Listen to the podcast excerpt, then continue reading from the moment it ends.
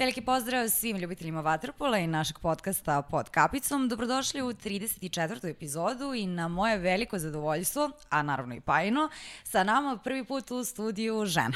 Kod nas je došla devojka koja će pričati uh, o svojim vaterpolo iskustvima, koja je inspiracija mnogima da se posvete ovom sportu, neko ko je kasnije svoje znanje prenosio i kroz trenerski posao i naša ideja je da popularizujemo i ženski vaterpolo, kao što smo već rekli, i pričat ćemo i ugostit ćemo devojke koje su na najvećoj uh, sceni i svakako nas očekuje jedno zanimljivo putovanje.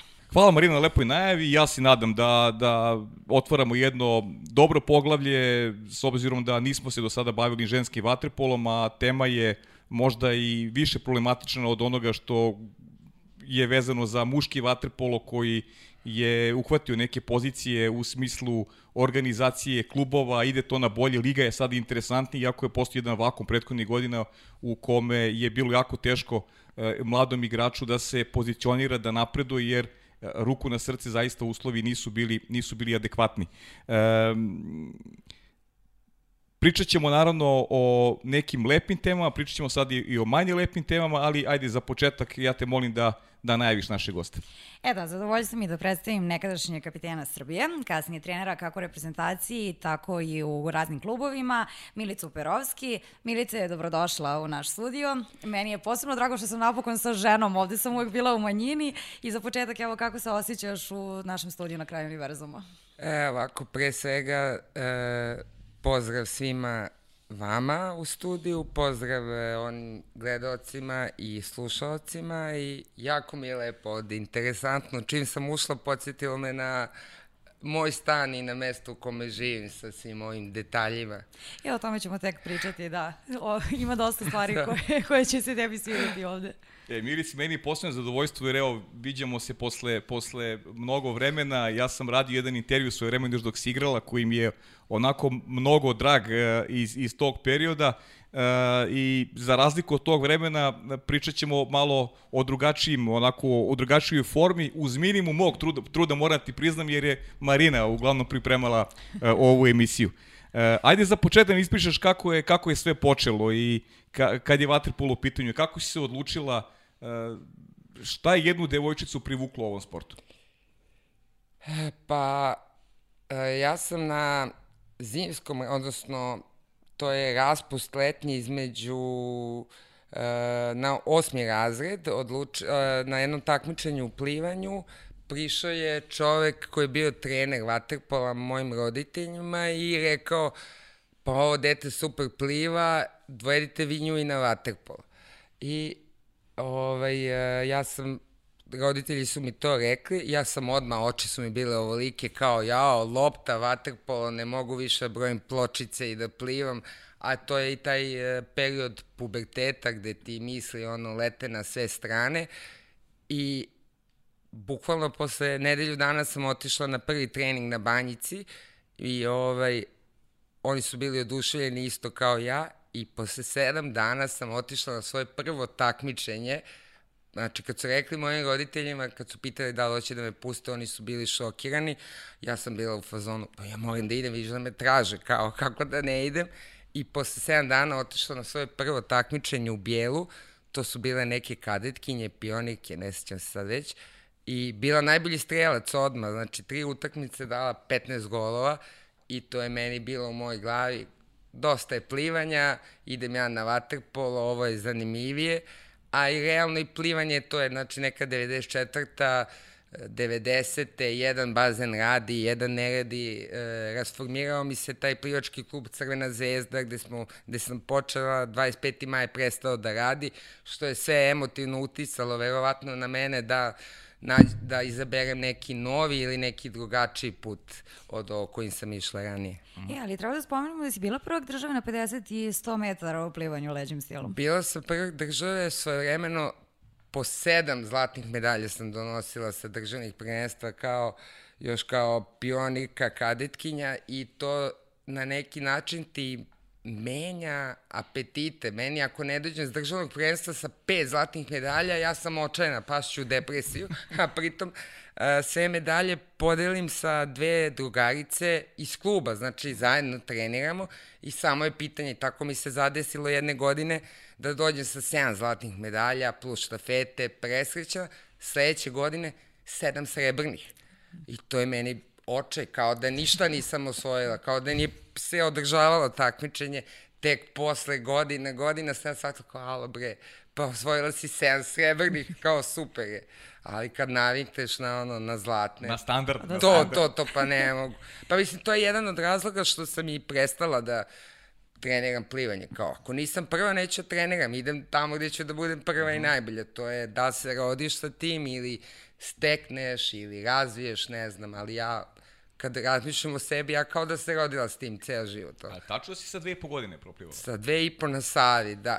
I to e, tata i njegov prijatelj su renovirali splav i kao neće se kupaju tu kod splava, nego su ušli u čamac sa kerom i idemo na sredinu Save i oni su skočili u vodu i ovaj tatin drug kaže njemu, pa evo i, i Milica pliva. Kaže, kako pliva? Ja za njima skočila, skočio i kjer da me spašava i čale kao, pusti, pusti. I tako sam proplivala dve i po godine. ja, sad prema što ti pitam kako izgleda tvoj prvi trening, ja ću odmah da uključim pitanje gledalaca, jer su uh, mi napisali da si na plivanje uh, otišla, da su te roditelji upisali jer si imala previše energije. tako je. Neverovatna priča. Ja sam prvi razred osnovne škole uh, zbog slova R, koji dan danas izgovaram tako izgovaram, da. da, poslali su me kod logopeda. I odem na prvi čas ono kod logopeda, kod neke čuvene ljilje i, ovaj, i ko sve odradim, međutim Ljilja zove mamu i tato i kao ovo dete ima previše energije, vodite na neki sport. I sad prvo je to pušteno tako kao ok, ja sam tela folklor jedino pre plivanja, to je neverovatno, i odvedu me na folklor kao bili su stari i nećemo, a... I prošlo je, kao to je Kevi negde ostalo u glavi da treba na neki sport. Mi smo imali kuću na mljetu i to celo leto, ja sam po tri meseca bila na moru. Kad smo se vratili u septembru, naravno majka me je znala, proda mi priču kao, bila je trener jedna na mljetu i videla je kako ti lepo plivaš i rekla je, da li bi ti došla da treniraš? I ako, bože, naravno da bi, kao neko me video, za ovo me tražim, pritom imam 8 godina i odem na prvi trening i to je bukvalno tako počelo sa 8 godina. E, a kako izgledao prvi vaterpolo trening, ako se ne vram na banjici, je li tako? Jeste, uh, pravo da ti kažem, ja se ne sjećam puno, ali nekako ja sam, uh, pošto smo imali tu kuću na mljetu, meni je bilo normalno da sa tatom plivamo pa da se igramo s loptom. Znači, meni nije bila lopta strano telo na, za ruku, u vodi sam se snalazila i nekako i kad sam prešla na vaterpolo, to u mojoj glavi bilo, to sve meni sleduje, to je jednostavno sled okolnosti. Neću više da plivam, idem na vaterpolo, snalazim se i to je moj novi put. Tako da, seća se samo to, bukvalno, jedan sam čekala da šutiram na go, kao plivanja mi već preko glave i taj trenutak kad su me bukvalno posle petog treninga, kao, e, mi putujemo preko sutra, hoćeš da putuješ s nama? Kao, bože, naravno. naravno. Sa 14 godina sam uverena.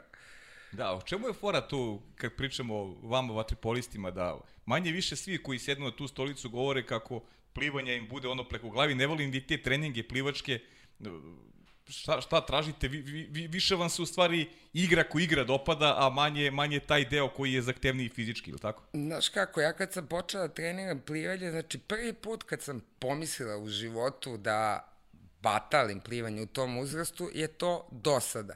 Znači, dva i po sata veglaš, a milion pesama sam otpevala u svojoj -hmm. glavi i prošla, ne znam, sve. I sad do momenta kad ti vežbaš, znaš da ćeš se takmičiti, pa da ćeš pobediti, o, to je onda uđeš u, u, u taj smisao. Ali ovaj, jednostavno mislim da je e, kad malo postaneš stariji, shvatiš da plivanje realno nema perspektivu u smislu osim zdravog života, što i jeste. Ja sam, kad sam počela da se bavim trenerskim poslom, uh, skontala da deca mahom ne znaju da plivaju i da ovde decu najčešće vode na sport uh, s nekim proračunom, a ne vode ih da bi se bavili plivanjem ili da bi vodili zdrav život, a po meni je plivanje, gimnastika, trčanje, to su bazni sportovi, to je ko stvara opšte kulture. Znači, moraš da znaš da plivaš. I nije moraš da znaš da plivaš, da se održavaš ili da plivaš kao pas, nego da naučiš bar jednu, dve tehnike plivanja, da budeš siguran na vodi, da, ne znam, roditelji budu sigurni sa svojom decom, kad ih odvedu, a roditeljima je nažalost najlakše da im stave one kolutove mišiće koje decu tera uspravno da plivaju i to je pakao. Mm, mm. A kaži mi, kakva je reakcija u školi? Nije baš tipično bilo da, da devojčice treniraju vaterpolo. I si imala nekog još iz škole sa kojim, sa kojim si mogla da ideš drugaricom koja je, koja je išla na, na, na vaterpolo? Ja sam uh, upisala 11. gimnaziju kao redovno 11. Uh -huh. gimnaziju, jer su mi mama i tata s Lekinog brda tamo, uh -huh. pa su mi bile i baba i dede i tetke, to je sam ja sve u svojoj glavi izračunao super mi mogu da doručak, ručak, pa na trening. I, ovaj, i posle prvog razreda se oformilo sportsko odeljenje u 11. I mi smo prva generacija sportskog, ali smo krenuli od drugog razreda gimnazije. Verovali ili ne, uh, i dan danas ljudi ne znaju da postoji ženski vaterpol. U tom odeljenju u 11. ok, oni su znali, da pitaš nekog drugog čime se ja bavim, reći ti plivanje, nema pojma, ono. Mm -hmm. Tako da, nažalost, i dalje nismo mrdnuli, iako je ovo sad vreme medija, informacija, ljudi dalje nemaju informaciju da postoji ženski vaterpolo pre, ne znam, mesec dana, ne mogu setim tačno koga sam srela i kao, pričamo i kao ženski vaterpol, kao postoji ženski vaterpol u Srbiji. Ja ovako, kao da me neko ono, preseko, kao ej, od, osam, od 92. postoji, znači nije to 5, 10, 15, znači 30 godina postoji, neverovatno, što znači da nismo dobro promovisali svoj sport na pravi način. Uh -huh. I o tome ćemo pričati, kad već pravimo razliku eto, između muškog i ženskog vaterpola. Kako je izgledao tada jedan trening? Koliko se razlikovao treninga dečaka, muškaraca? I koliko se i sada razlikuje? Pa ja mislim da se ne razlikuje uopšte. Samo zavisi ovaj, uh, uh, od uzrasta. Uh, ist, isti vaterpolo igraju muškarci i žene, samo što se prilagođava brzini vaterpolista, brzini žena, znači malo se modifikuje i drugačije je samo što je uh, dužina terena za muškarce 30 metara, za žene 25, pa su u jednom momentu probali kao i da, da žene budu u 30 metara, međutim to ne može tih 5 metara ti onda produžava uh, dužinu plivanja, skraćuje ti napad i odbranu i, i to onda gubi smisa. Inače, sve je isto. isto. Uh -huh. Dva puta dnevno tako? Ma da, da, sve, sve je isto. Čak ovo kad smo igrali za kad smo imali utakmice sa reprezentacijom, to je isto dva put dnevno, ujutru 3 sata, uveče 3-4 sata, ozbiljne pripreme. Uh -huh. E, kaži Milic, kako je sećanje tvoje na prve trenere? Imali neko koji u tim nekim ranim početcima imao onako možemo kažem i presudnu utice na, na, na tvoj razvoj. Pričamo o pa, vaterpolu sad. Da, da. Ovaj, pa meni je, znači, na banjici kad sam počela, menjali su nam se nešto uh mhm. -huh. treneri zato što nisu uh, teli da daju svog konkretnog, odnosno daju trenere samo za tu ekipu, nego su nešto tičeš malo i mušku i žensku i to je bilo onako traljavo. Iskreno da kažem, tek od 96. kad se oformila reprezentacija tada Jugoslavije, uh, i selektor je bio Aleksandar Kristonošić. Meni je to prvi dodir sa vaterpolo trenerom ozbiljnim. Čovjek ima iza sebe već uh, i rezultate i karijeru i dolazi iz jednog grada kao što je Bečej gde se vaterpolo dugo godina već pre toga ozbiljno gajio, ulagao se u njega i stvarno i sad kad posle svih ovih godina podvuče neku crtu sa sa Acom sam najviše naučila, najviše radila i s neke strane se on po meni najviše zalagao za taj e, ženski vaterpol. Samo približi, približi mikrofon, možda, e, to je to. E, a znaš što mene zanima, koliko ti je bilo teško da uskladiš eto treninge sa izlazcima, nekom drugom okupacijom koju si kao tinejdžerka imala? Ja znam da sam ja htela sve, još si radila i dva posla. Ja dok sam, e, dok sam trenirala plivanje. Imala sam jednu ludačku sezonu gde sam trenirala i plivanje i vaterpolo. I to je izgledalo tako što odem na taš na trening od pola 8 do 9. Onda me tata sačeka, pošto u 9 počinjao trening na banjici vaterpolo, onda me odveze kolima na, taj, na banjicu, na trening, oni se rasplivavaju, ako meni ajde i ne treba toliko jer dolazim sa 5 km plivanja. I, ovaj, i to to mi je bilo, ajde, godinu dana ludila. Posle toga, uh, pa što da vam kažem, bila sam na prvom egzitu i mhm. posle nisam do 2010. su nama svakog leta takmičenja, uh, utakmice, pripreme. I realno, dok sam bila osnovna i srednja škola, sada me pitaš, svega sam se odrekla. Mm -hmm. Znači, ono, od, ma kakvi nije bilo ni, drugačije je bilo vreme, ali to, rođendani, proslave, čak sam uh, gomilu stvari su moji roditelji morali da se odreknu zbog mene, da bi me vozili, pa onda letovanja, zimovanja, sve se menja. Meni budu takmičenja početkom avgusta, mi imamo kuću na moru, ne možemo da odemo tamo zato što ja ne, to ne dolazi u obzir da ja nešto propustim. Ja ostajem u Beogradu i onda su se roditelji žrtvovali zbog mene. Uh -huh. Ali isplatilo se? Sigurno, naročito što sam, to su 90. i realno je meni me vaterpolo spasao od svega što se dešavalo 90-ih u Srbiji. I drugo što smo mi stvarno uspeli da putujemo kad niko nije putovao, a smo dosta i videli, jeste to s jedne strane mnogo fizički naporno, ali sad iz o, u ovim godinama iz ove perspektive ne sećam se nijednog trenutka lošeg ili teškog, samo se sećam lepih stvari i mislim da je to najbitnije. Uh mhm. -huh. e, prvi put pričamo sa, sa jednom vaterpoliskinjom ovde, pa možda ako se ponavljamo ako neki pitanje ne zameri. E, prosto nas Nikak. zanima i zbog nekih devojčica koje će treba da počnu da se baje sportom. Nadam se da će ova emisija i, i to pokrenuti kada, kada govorimo o nekoj budućnosti ženskog vaterpola. E, da li ima tog spartanskog momenta kada pričamo o treninzima, nešto na pričaju ovde e, tvoji prethodnici na, na, na toj poziciji muškarci, ili ste možda vi kao devojčici imale možda blaži pristup od trenera, ili, ili su oni zahtevali manje više radite iste vežbe, da li su ti treninzi identični ili su onako malo prilagođeni ipak devojčicama? Kako si pa ti osjećala? Ja mislim da nisu, -hmm. naročito što mislim da, prvo što je Aca dolazio iz muškog vaterpola, kao mm -hmm. i mhm. svi ovi treneri, ali je on čovjek koji kad je došao i među prvime je došao taj ženski vaterpolo, uh, uh, prepoznao je razliku između same uh, fizionomije muškarca i mhm. žene. Znači, samo u tom smislu se razlikuje. Inače, mene da ako pitaš, ja sam u glavi kao što su muškarci vaterpolisti. -huh. nikad nisam kao ovaj, pravila razliku. Šta god mi trener kaže, ja to mogu i moram da odradim. A mislim da je jedino, pošto na početku rekao, jedino spartansko u vaterpolu, sada ako me pitaš je hladna voda i mhm. jezivi uslovi na našim bazenima. Eto, ako, ono, sva I, trauma iz vaterpola... Jesi to iskusila? Kako ne? Znači, mm -hmm. poslednje poslednje dve godine sam igrala na banjici u Partizanu, sve traume koje sam imala u Waterpolu dolaze iz posle, tih poslednjih godina i po dana. Od toga da voda ne prelazi 22-23 stepena, da je bazen štrokav, da tuševi rade, ne rade, da slačionice uh, su otvorene, nema grejanja, znači ulazna vrata od banjice, kako ulazi hladan vazduh, ulazi u slačionicu.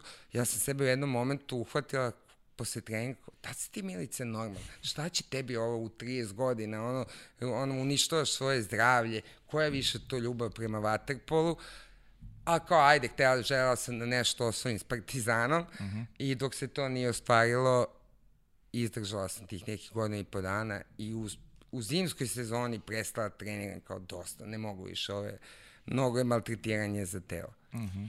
Ja, rekla si na početku da ti je nekako bilo prirodno da se plivanja pređeš na vaterpolo i a, ono što mene zanima, kada si shvatila da si dobra u vaterpolu i kako si izgradila tvoja pozicija u bazenu? Pa iskreno da kažem, nisam u prvih par godina nisam ni razmišljala o tome. Meni je bilo bitno da ja idem na treninge, da dajem golove na utakmici, da pobeđujemo i uopšte nisam sebe opterećivala uh, svojom ulogom u tome, naročito što sam dolazila sa plivanjem koji je individualni sport i onda mi je trebalo par godina da ja shvatim da to je potpuna razlika individualni i ekipni sport i kako stvari funkcionišu. E onda kad sam se uklopila kao ajde ekipni sport, tek negde posle, pa možda uh, kad se ponovo, pošto smo imali neku pauzu reprezentacije recimo od bombardovanja do 2002. Mm -hmm. pa kad se ponovo formila reprezentacija i kad sam postala njen kapiten, onda sam shvatila kao, aha, vidiš kao, čim sam i kapitana, nisam najstarija, to znači da sam dobra. I, a onda e, te četiri godine sam malte ne svaku utakmicu finala, prvenstva ili kupa davala po tri, četiri utakmice, bila najbolji strelac godinama i onda sam aj, razumela, skontala kao to je to. Da, da. Bili se sećaš se debija najveće sceni, ovde prve ligaške utakmice? Uf, sećam se tog prvenstva koje sam odigrala prva vaterpolo utakmica moja u Bijeloj, ode, odeli su nas na neko takmičenje, da su to pionike, kadriki i, i, i sa tog turnira se sećam svega. Da, valjda zato što je prvi, zato što smo otputovali u Bijelu, igralo se u sred leta, tamo je ono, letnja sezona i ko je bio, ko nije čuo za vaterpolo ženski, doš, došli su ljudi, ja dolazim, sa plivanja, prva moja vaterpolo utakmica, pune tribine, ne znam, reflektori, ono, bazen u moru, to je meni potpuno bilo čarobno. Tako da verovatno se zbog toga i ne sećam mm. neke utakmice ovo sa banjice ili, mislim da je neko gostovanje bilo u Bečeju ili negde, ali ne mogu se setiti. Mm -hmm, mm -hmm. A je li bilo trofeja u tom matičnom klubu? E, na banjici, na banjici smo osvojili neko prvenstvo, ali meni to ne znam iz kog razloga nije, nije to bilo ozbiljno verovatno, pa mi to neko nije, znam da smo bili prvaci i tad je bilo tri kluba, verovatno mi zbog toga nije bilo toliko mm -hmm. bitno, ali već kad smo posle sa Dinamom osvajali, kao to je bilo trofeja, kad sam otišla u Bečej, to je bila, uh, Bečej je uzeo neki igrač iz Pančeva, to je sve bilo tako traljavo, tri kluba postoje, pa mi ćemo ove dve, tri ovamo, ove ovamo, Ove, tek posle 2002. to drugog e, rođendana va, ženskog vaterpola uh -huh. u Srbiji sam krenula kao i da brojim na neki način trofeje, zato što smo sa Vračarom od 2002. do 2006. osvojili sve što smo mogli da osvojimo svake godine i prvenstvo i kup i mlađe kategorije i to mi je ostalo upamćeno ono, najviše. Pričat ćemo da je u Vračaru. Pričat ćemo, da. da. A šta pamtiš, ajde onda iz tog perioda banjice, neku anegdotu, možda neka stečena prijateljstva, lični napredak? E, pa iskreno, najviše se sećam, ja sam, kad sam počela da treniram, to je znači 93. četvrte, uh, sparingovali smo sa generacijom uh, dečaka koji su 82. godište. Ja sam 78. 82. su Vanja i Živko. Uh mhm. -huh. Tako da bukvalno uh, Uh, moj dolazak na bazen i njihov se negde u isto vreme dogodio i sećam se, znači najupečatljiviji su mi njih dvojica zato što su toliko dugo ostali, mm. imamo neke zajedničke početke i, i zato su mi odvojek bili neko najbliži. Iako sam posle kad sam igrao u Bečeju uh, stekli neke druge prijatelje, kolege kao Čiru i Vukanića i gomilu još vaterpolista, ali ova dvojica su uh, kao ja sam u svoj glavi vezala, moj početak je negde i njihov početak, toga se sećam. Mm, A isto sećam hladne vode na banjici. to je tamo je stalno hladna voda. Znači, Pak. Jedinica mere za banjicu hladna voda. Veruj mi, za sve bazene. Ono. I prljavština i hladnoće. Strašno. Yeah. E, to je nešto što, što je, izvini Marina, što je za, pogotovo za devojčice nekako Znaš, i taj, taj, taj vizualni moment kad dođe devojčica na bazen pa vidi da je Jest. nešto prljavo. Jest. Znaš, generalno, da je, da je bilo šta prljavo. Tako je. I onda to treba da te privuče. Kako da te privuče? Pa ja mislim da je to, nema veze da li je devojčica i dečak, da. to je opet ono, vaspitanje, svest. Pa da, i to je, da. Da. A na, naravno da će da devojčice možda uticati više. Mm. Pa ne znam, ja nisam, ja kad sam bila klinka, meni te stvari nisam primećivala, jer je moja zaljubljenost u bazen, u plivanje, u vaterpolo bila toliko velika da ništa nisam primećivala. Čak i posle godinama, ovaj, unazad, kad pogledam, uh, gomila ružnih stvari se dešavala u tom vaterpolu, mimo vaterpolo bazena mene, I, a zaboravila sam ih jer mi nisu bitne. Sad mogu da podučem crtu da kažem šta smo mi sve preživljavali, ali realno lepo je bilo. A i kad si mlad ne razmišljaš toliko. Pa da, ba razmišljaš o samoj igri, o pobedi. O... Ja, da li si kopirala uzore i koliko si vremena provodila gledajući recimo ut- utakmice muškaraca? Jer mi smo dok smo pripremali emisiju čule neki devojke kada te porede sa Šapićem. To ja lično nisam imala sam ja ja nisam sanjala u stvari da ću ja trenirati vaterpolo. Ja sam na moru tu gde smo imali kuću igrala s tatom, ja sam gledala utakmice, čak sam igrom slučaja uh, 91. bila u Atini kad je bilo evropsko prvenstvo u vaterpolu i plivanju, pošto je tata nešto poslovno bio tamo, išli smo na onu čuvenu utakmicu sa Španijom finale, ovaj, i čak se sećam kad mi smo pobedili u toj finalnoj utakmici, Gočanin je igrao za reprezentaciju i kao pobednici su dobili one kao lovarove neke mm -hmm. vence, dobro, medalje, to oni su to bacali, ja sam to uhvatila. I to je meni bilo, ne znam zašto, bilo bit, mnogo bitno što sam ja to uhvatila, da bi bukvalno 2010. ja dolazim ili 9. na banjicu i upoznajem se sad i sa Gočaninom i samo mi se spaja kako je moguće, ono, ništa nije slučajno u životu, ne postoje slučajnosti. Ovaj, tako da, provlačio mi se vaterpolo kroz život, a uopšte nisam sanjala zašto mi se provlači. Mm -hmm. Na, na, nameštali se te slike. Pa da, da. Ta Tina, što da. si rekla, nije, nije slučajno. Nije slučajno sigurno. Mm. I uh, da, da se vratim na pitanje. E, I nisam imala idole u Waterpolu, nego kao ja sam poštovala Igora Milanovića i Igora Gočanina, to su meni bili sportisti neki koji su super odigrali za svoju reprezentaciju, dali svoj maksimum, ali nikad nisam imala pravila u svojoj glavi nikakva poređenja, ja sam nekako uvek bila svesna u odnosu na protivnika. Meni je bilo bitno da ja iskor, da uradim, uh, da iskor, izvučem što više iz sebe, da treniram, da vežbam, da ne propuštam, da gledam utakmice, da analiziram i nekako sam bila okrenuta više sebi nego što sam imala neke idole. Čak sam dobila, meni, meni to, to mi je najveći kompliment u životu za Vaterpo od 2004. Igor Milanović bio na, na nekim našim kvalifikacijama u Brenovcu i posle utakmice je rekao prvo mojim roditeljima, posle meni ja nisam verovao da žena može ovako da igra vaterpolo, što mi je rekao posle i na banjici Igor Gočanin i, ja sam bila u fazonu, pa šta ima neko da mi kaže, ako mi jedan Igor Milanović nešto ako kaže ili Gočani, to je to, mogu kapicu da okačim u klin, ono, realno. E, a kaži mi ovaj, e, Dinamo Pančevo, dakle, Dinamo Pančevo, tako Da, ide Beč, ajde malo o dana. Pančevu, da. To je bila neka, ajde da kažem, prelazna varijanta, pošto se banjica raspadala, pa smo ne, napravili neku, e, spojili smo se sa Pančevom i mogu da kažem, Srđan Miković je tad bio direktor kluba i to je bio lep period e, moj u Waterpolu, osim što smo svaki dan morali da putujemo do Pančeva, što sad izgleda, i sad izgleda nestvarno, a verujte mi da je mnogo lakše bilo, to je 97. Mm -hmm. 8. Uh, verovali ne, mi smo imali neki, pa ovaj beo voz. On je bio kod Vuka u 25 do 8 je kretao, u 8 i 5 stigne u Pančevo, nama u pola 9 počinje trening, do 10, u 10 i 20 nam je voz za nazad. I to je funkcionisalo. Meni je neverovatno da mi idemo unazad i da nešto što je funkcionisalo 98. ne može da funkcioniše 2028. Da, to je neverovatno. Verovatno, Da.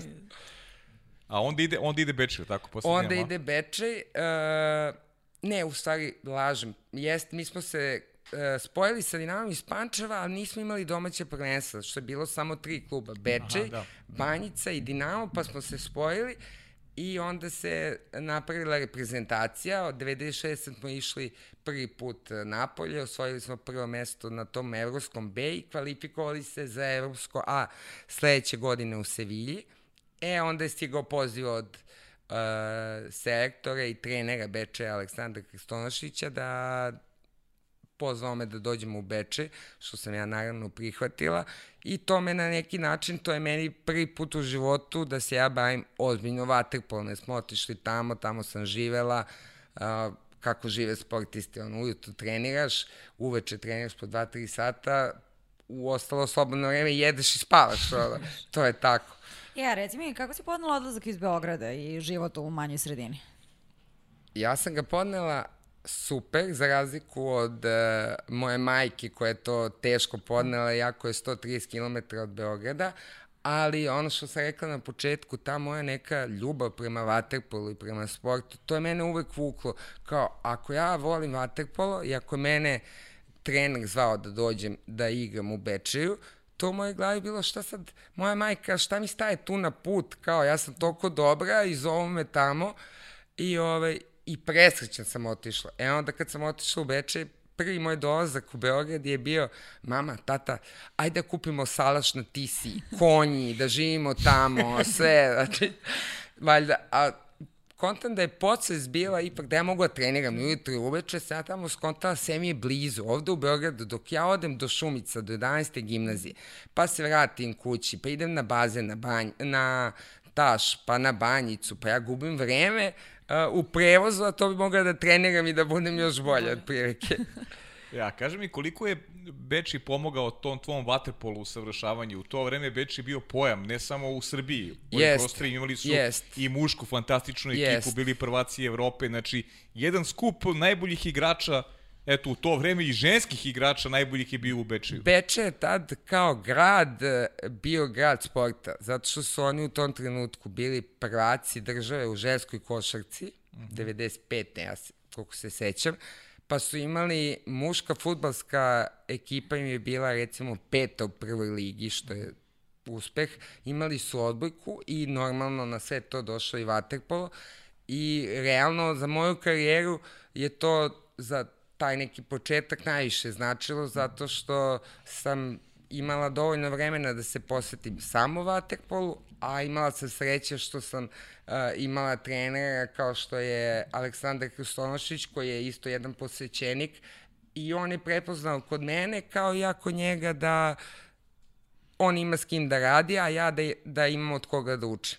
I stvarno mi je to, to je neka baza uh, koja mi je posle mnogo pomogla, zato što smatram da ako kreneš da se baviš bilo čime u životu i ne kreneš od početka, od prvog stepenika, nego preskačeš stepenike, to ne ide, ne vodi ka dobro, nego koliko god bilo teško, da li za psihu, da li za fiziku, stepenik po stepenik, mora da se ide redom.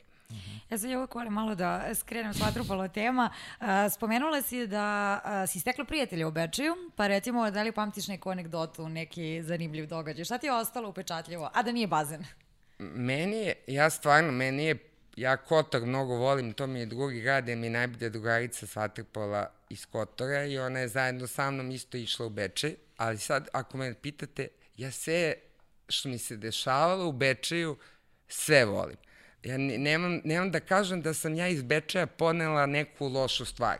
Ajde, mogu da kažem, mi smo neko vreme dobijali te neke stipendije za koje smo potpisali ugovor, posle par meseci to je bilo natezanje, pakao, ali to je 97. godina, cela zemlja je bila u haosu, ove, a sve ostalo, znači gomila, gomila prijatelja, mimo Vaterpola i u Vaterpolu, Pa recimo meni jedan od većih utisaka kad se igra utakmica muškarci kad su igrali Ligu šampiona dolazak navijača i Čurga.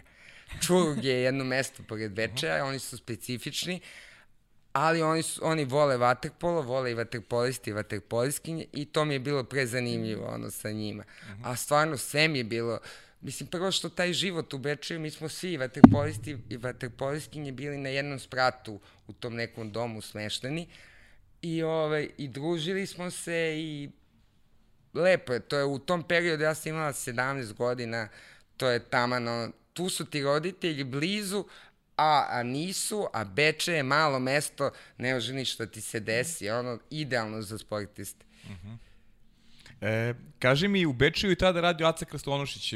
Da, ona mi je bio Rekla si da, aj malo priče o njemu, talentu devojaka sa kojima je strada igrala, pa i da, i da pomenemo neke devojke verujem, verujem da će im biti drago da, da, da i one neko Hoće, žive neka sigurno. sećanja kroz ovu emisiju. Uh, pa, godinu dana pre mene AC je već oformio tu ekipu i doveo uh, dve igračice iz Beograda ili tri, ne sjećam se sada, ali uh, Jelena Božić i Verica Popović su, da kažem, prve u ženskom vaterpolu koji su napravile prelaz iz jednog kluba u drugi i naročito iz, kao iz Beograda se neko pomeri i otišao u Bečej.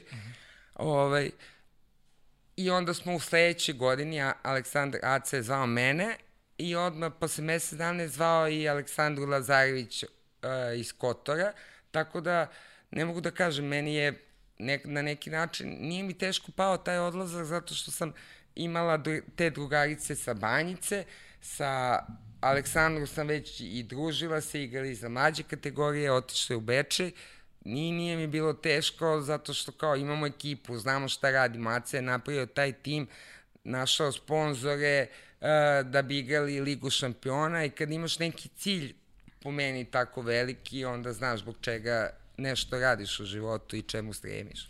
Zaminirali ste domaćom scenom, a da li je bilo nekih međunarodnih takmičenja na klubskom nivou? Bilo je, zato, zato je ova uh, ekipa Bečeja i formirana. Beče je tad uh, te godine igrao prvi put uh, Ligu šampiona kao prvak Jugoslavije i nekako je bilo i logično da žele isto tako da naprave uspešan uh, tim žena. Međutim, mi smo otišli na to prvo neke kvalifikacije u Češkoj i nismo bog za kako prošli, ali to nam je prvi izlazak. Uh -huh. I ovaj, u Evropu, da kažem. Nažalost, uh, posle se desilo bombardovanje i to nas je prekinulo u smislu i što se tiče Bečeja i klubskog razvoja ženskog vaterpola i što se tiče reprezentacije. Smo mi u martu 99. nešto ili u aprilu trebali da idemo na jedan taj turnir kvalifikacija, onda je Dinamo napravio ozbiljnu ekipu i onda je došlo bombardovanje i onda je sve palo u vodu do 2002. 3. Uh -huh. Bukvalno smo se ono izdigli iz pepela. Sada me pitate, još sam verovala da tad ono, nema više šanse da se ženski vaterpolo izdigne, onda smo uspeli nekako do 2006. 7. onda je opet bio pad jedan i evo kako sad čujem više od vas nego što sam ja i dalje u tom vaterpolu da se nešto dešava. Ja, kaži mi tada, Milice, taj prvi odlazak, recimo, uh, isi, imala, isi mogla da spoznaš neki, da stekneš neki uvid o, o tome koliko si ti dobra protiv devojaka, sad ne znam protiv koga ste igrali, recimo iz Mađarske, Italije, Rusije, koje su velike vaterpolo sile kada pričamo o ženskom konkurenciji, pričamo samo o ženskom vaterpolu. I si mogla negde da vidiš gde je tvoj razvoj, gde si ti u odnosu na njih? Pa jesam, meni je to značilo na individualnom nivou, tamo da im da li ja stvarno igram taj vaterpolo dobro mm -hmm. ili ne igram. Ovaj, I na tom prvom turniru sam na neki način videla gde sam i, ovaj, i, i šta treba da radim, koliko treba da radim. Međutim, vaterpolo je ekipni sport i džaba jedan nešto trenirao, radio, mora cela ekipa, a, a nažalost a, vaterpolo se ovde nikad nije tretirao kao a, vrhunski sport u smislu mi da bi otišli u Beče, da bi se odrekla ovde škole, roditelja, treba da živim tamo, treba da dobiju neku stipendiju. To su svi obećavali, nešto krene, to se uruši za 2-3 meseca. E onda sam ja tek posle 15 godina skontala zašto se ovo dešava u Waterpolu. Kad je neko takmičenje bitno, gde, gde Savezu treba ženski vaterpolo da bi dobio organizaciju u Beogradu, da bi dobio mesto delegata ili sudije u Fini ili, ili Leni, oni izvuku iz uh, fioke ženski vaterpolo, ajmo sad 3-4 meseca, oforme kao reprezentaciju, dobio organizaciju, to se završi i nikom ništa. Tako, zato, zato se dešavaju ove rupe od, pre, od po 5-6 godina, zato što ne, ne možeš ti napraviš seniorsku ekipu, a nemaš klubove. Ti da bi imao reprezentaciju e, u kojoj ćeš da izabereš 15 igračica, moraš da imaš 8 klubova sa po 20 igračica, pa da izabereš od 120, 15. Ako nas biraš od e, 12, 15. Kako? Da, da, da, da. Ja sad Pričat će mi o tome još. Kada je u pitanju poslednja stanica tvoje klubske karijere, to je Vračar, je li tako? Vračar Ne, pa to je Partizan, Partizan. A, Partizan. A Da. pre toga Vračar, Pre da. toga To je što smo- Vračar i posle evropskog prvenstva uh, sam još godinu i po dana igrala zato što je došla nova generacija, da kažem, vaterpoliskinja u Vračaru. Ove starije su uglavnom prestale i ja sam neko sebe videla da treba još par godina te mlađe generacije da budemo u bazenu ne bili one naučile još nešto. Drugo, uh, da ne bi gubile utakmice, koliko god bio bitan nekom ili nebitan rezultat, nije isto kad dobijaš, onda to motiviše igrači i igračicu da treniraju, a kad gube i kad ih za, kad ih trpaju golovima, onda će da prestanu da treniraju. Mm. I onda sam još godinu i po dve, do de- 2008 igrala za Vračar ovaj, i pritom neverovatno dve, dva finala prvenstva smo mi izgubile tako što smo sa gol razlike, a do tri minuta pre kraja utakmice smo vodile sa po tri gola razlike. To je neverovatno kako nam se desilo, ali to je iskustvo. Jedina sam ja bila od starijih i Dragana Milićević, e, e, nekada Pantelić, nas dve starije i ovo su sve bukvalno bile klinke 88. 9. 90. i mlađe godište. Ove, I posle toga sam kao ne mogu više, ono, dosta je. I taman kao neću više da treniram do 2010. i zove me taj moj trener koji je bio trener u Bečaju, kao da mi kaže da je postao trener u Partizanu, da bi volao i da ja radim i sa mlađim kategorijama devojčicama, a i da igram za prvi tim. I naravno, meni se odmah upalila sjelica, ja inače i navijam za Partizan, a počela sam da igram, u, da plivam u plivačkom klubu Crvena zvezda i to mi je bilo stalno težina kao, kako ja sad, ne, na koju ću stranu, navijam za Partizan, a ovamo treniram, moram da navijam za zvezdu u plivanju. E, onda kad me pozvao trener za Partizan, taman da se anulira ono od pre 30 godina kad sam morao plivam za zvezdu, e sad igram vaterpolo za Partizan, kao hoću, i odmah mi u glavi bilo, ja moram s Partizanom da kup, prvenstvo, nešto, Partizan nema nijednu titulu žensko vaterpolo, toliko ih ima u, u muškom, još kad uđeš tamo na, na banjicu imaš onaj, uh, Trofejnu salu, ono, da. ne, ne, nego baš u bazen, onu, kao billboard neki baner gde Aha. imaš sad sve titule i ja kad sam ušla na banjicu, kao, ja, pa mora ovde piše žene jednog dana i to mi je bio najveći motiv da se vratim ponovo u vaterpolo i da istrpim tih godina i po dana hladne vode, promaja, ledare, prljavština, ali sve za partizan. I si uzela titulu na kraju? Jesam, Yes. yes. kup smo osvojili i stvarno, to je opet bila, da se ne lažemo, mlada ekipa. Većina tih devojaka je imala možda godinu, dve dana boravka u bazenu i treniranja vaterpola uz ogromnu, uz ogroman napor e, ovog trenera, Ace i na kraju krajeva i moj, e, smo uspeli da osvojimo kup i posle tog kupa sam rekao, ne mogu dosta, znači hladno mi je, ne mogu više. Ali to bio razlog. e, Hladno Naj- ti je tad si ostila da više nemaš energije u sebi i da ljubav koju imaš je, je potisnuta svim onim što se dešava Pa ne, ne o- nije oko to bazena. prvenstveno, Ne. znači, ok, hladna voda, to mi je nekako razum, kao ne mogu ja više, pa nije ok da ja imam 32-3 godine i da pristajem da 2011. h- e, treniram u hladnom bazenu. Kao, nije ok, ali sam prestala zato što mi je iskreno postalo dosadno. Zato što poslednjih 15 godina, znači, od, eto, ja kažem, od vaterpola vračara 2002. da sam postala svesna šta radim, sve je isto. Znači, ja ne mogu više da napredujem zato što već znam ko je trener, ko je igrač na levoj strani, ko je na desnoj, ko će da me čuva, šta će biti, sve već toliko bilo predvidivo i meni više nije bilo zanimljivo, a najnezanimljivije je bilo ne mogu kao više na istu foru nekog da radim, dosadno. Kao sve sam isprobala u svojoj glavi što sam htela. I kao, nekako je logično bilo neki sledeći korak je bio da odem negde napolju, napolje. Amerika me nije zanimala, jako su mi nudili ono full stipendiju kad sam završila ovde srednju školu. Ja sam kao i posle neki moji klinci ono ložila se kao jednog dana ja ću da idem u Italiju da igram vaterpolo, da zarađujem pare, a onda sam shvatila da ne ide to baš tako i da i u Italiji postoje igrači koji žive samo od vaterpola, ali realno 2000 20. godina ne možeš da živiš vaterpola i treba da se vaterpolo uskladi kao jedan divan sport koji se trenira, ali se mimo njega radi i nešto drugo. E, sad kad si pomenula inostranstvo, je li žali što nikad nisi igrala? Je li bilo ponuda, eto, sem te Amerike? I... Bilo je, ja sam čak i bila u, posle u Mađarskoj, u Kečkemetu, što je I tad mi je bio to sledeći kao korak logičan, da iz Beča idem kao iga Mađarsku ligu. Otišao sam tamo i mislila sam da se te stvari dešavaju samo kod nas, kao do, dođe čovek, dogovorimo se sve, koliko će mi bude stipendija, gde ću da živim. Odemo u Mađarsku, tri dana ništa, pet dana ništa, ista priča kao i ovde. Kad će da bude stipendija? Biće, biće. Biće. Biće, to je buduće vreme, glagola neću. Da. Bukvalno.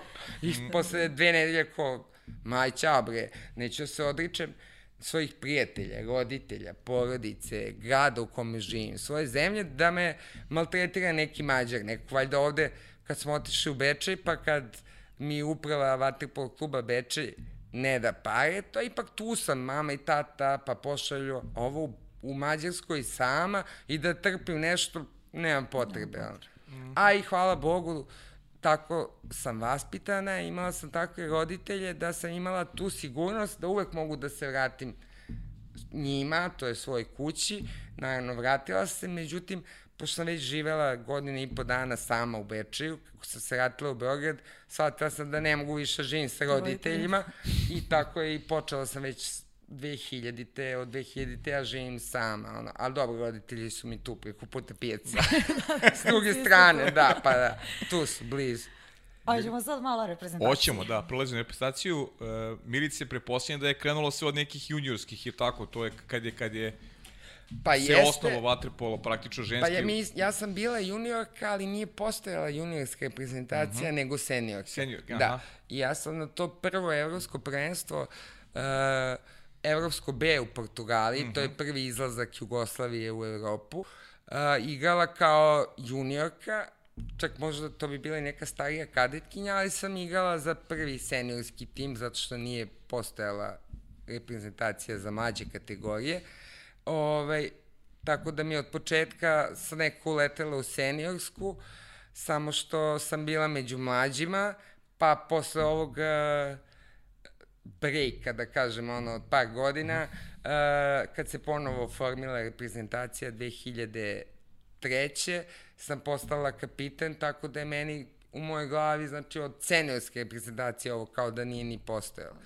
Mm. E, ali da te vratimo mi na 97. Na velikom da, takmičenju si zaigrala prvi put u Sevilji i evo, evo, e, evociri malo uspomene o Španiji. Osvojeno je deveto mesto. Kako se e, sve? A samo ću da ti ispravim. Znači, mi smo 96. bili na Evropskom B, to je izlazak naš prvi, mm -hmm. i pravila su bila da ko je prvi na Evropskom B, prva i druga ekipa, idu na Evropsko A sledeće godine u Sevilji. I onda smo mi izašli, bili tamo prvi, to je stvarno da neka reprezentacija ode na Evropsku B, mi smo stvarno uh, ajde što smo bili prvi, nego smo sve u grupama dobijali sa po 5-6 razlike Finale smo dobili Portugaliju koja je domaćin sa dva gola razlike, ali verite mi, kad igraš sa domaćinom finalnu utakmicu, kad dobiješ dva gola razlike, to je kao da si sedam dobio. da, da, da. I onda je, naravno, ide sledeće godine Evropsko prvenstvo i mi smo se pripremali za to evropsko prvenstvo, ali to opet uh, na, da kažem, na neki, na, sam, sam mikrofon, na neku ličnu ne želju, nego trud Ace Kristonošića, Srđana Mikovića, zato što Savez se prema nama ponašao kao, ok, imamo žene, kvalifikovale su se na evropsko prvenstvo sa muškajcima mm. u Sevilji, to njima ide u korist i uh, uložit će toliko u ženski vaterpolo koliko da se to odradi do leta i tako su se i ponašali. Ali, ovaj, uh, E, meni je značilo naravno to evropsko prvenstvo zato što smo uhvatili A prvenstvo. Ja sam do tada uh, samo gledala to evropsko prvenstvo 91. u Atini gde sam prvi put se susrela sa sportistima iz svih vodenih spotova, spotova, spot, e, sportova i to je stvarno fenomenalno. To onda taj ceo grad ili, ili taj deo grada živi, ti srećeš svoje kolege i to je meni tad značilo ovo 97. Ja sam bila kao Alisa u zemlji čuda. M 97. M kao srećem uh, plivače neki koji su mi bili kao cari, ne znam, Pankratov, onaj, pa Kako Popov. slikanje? Uh, pa da, sa Popovom kao, kako, 91. se on pojavio u Atini i mene kupio svojom tehnikom plivanja, ja sam bila u fazonu, ja moram ovako da plijem, pa ovo je savršenstvo, onda sam prestala da plijem i kao 97. dolazim u Sevilju i pliva Popov. I kao, čim sam ga srela na bazenu, kao mora se slikava. Sjajno. Pri to je tad bio fotoaparat, nije bio telefon. Telefon. A sam nosila, ja da. Jeste, mislim, stvarno mi je bio ono, Alisa, doživlje, kao de, de, dokle sam stigla. Ono. Jer sam negde u glavi, kad si klinac i kad treniraš plivanje, motiv ti je da odeš na evropsko prvenstvo, svetsko, olimpijada. U stvari mislim da je svakom sportisti prvo olimpijada. I da ode i, i da osvoji nešto i stvarno mislim da ol, uh, olimpijska medalja ne može se poredi ni sa jednom. Ovaj, I onda kad sam otišao tamo, mene, ne znam, uvek, ja sam preuzbuđena što sam na velikom takmičenju, što ću da... Ja nikad nisam, recimo, imala tremu kad uđem u bazen i kad igram utakmicu. Ja imam tremu što sam došla u Sevilju na Evropsko, mene sve to ispuca i onda kad dođe utakmicu, a to je moj sport, ja ću to lako. E sad, uh, i pa, bila je pauza koju si već ispomenula i pošto sam ovde preskočila B prvenstvo, neću preskočiti 2004. Znači, tad ste se ponovo okupile, bile su kvalifikacije, bile ste prve, odlazite u Nansi gde ste bile pete. E, da, ne, to su bile kvalifikacije, druge smo bile, izgubile smo, ja mislim, u finalu mm. smo izgubile, ali dve ekipe idu. Mm. E, pa to je krenulo lepo 2004. i kao ja sam videla kao evo sad znaju šta nije valjalo do kraja 90-ih, sad kao ima više ljudi, više klubova koji će uti, uticati da ženska reprezentacija dobije dovoljno priprema turnira i uh, rekli su nam da zašto je bilo bitno da igramo to Evropsko B, zato što je uh, trebalo da se izleče ko će da bude grad domaćin 2006. za Evropsko. Mm -hmm. I onda su nas opet izvukli iz fioke, ajmo imamo mi žene, žene. i zato smo igrali, izgubile smo u finalu, a, pete u Nansiju, ali smo dobili domaćinstvo i mi smo automatski a, kao domaćine učestvovali na Evropskom 2006. što je meni opet u mojoj glavi bilo, e, dobro, vidi, ovo moram da se, ovo je super, igram Evropsko prvenstvo u Beogradu, ja sam kapiten, kao me, meni je to bilo dovoljno i verovala sam da ćemo se mi ozbiljnije pripremati u odnosu na ono što je bilo ranijih godina. I to ubeđenje me držalo do januara 2006. jer smo mi uh, već igrali neke turnire, uh, Aleksandar Kristonošić je bio selektor, uh, napravio je juniorsku reprezentaciju, znači neki sistem se uveo u taj ženski vaterpolo, i u januaru 2006. Save samo obaveštava da Aleksandar Hristonošić neće biti trener, nego će biti Petar Kovačević. To je meni bilo neporažavajuće. Tad sam shvatila uh, kakve se igre igraju i šta ljudi rade u tom Vatrpolo savezu. Pritom, Petar Kovačević je iz Kotora i on je divan dečko i trener i mi smo i prijatelji mimo, mimo Vatrpola, I to nema nikakve veze sa njim. Ima veze sa Savezom. Ima, ja sam tad bila u fazonu, čekaj, na što ovo liči, bre, pa ovaj čovjek je toliko uložio i toliko temeljno radio godinama o čemu se ovde radi, onda do maja nismo imali nikakve pripreme, ništa. U maju kao kreću pripreme sa nekim ljudima koji ja stvarno, ja nemam problem sa tim ljudima, ne, ne mislim ništa loše o njima, ali njima nije bilo mesto tu. A ja sam već imala dovoljno godina i rad, već sam predugo bila u tom sportu, već sam radila kao trener i, i mogla sam da shvatim o čemu se radi. I mi smo te pripreme tri meseca, mene ako pitate, to je bilo sramno.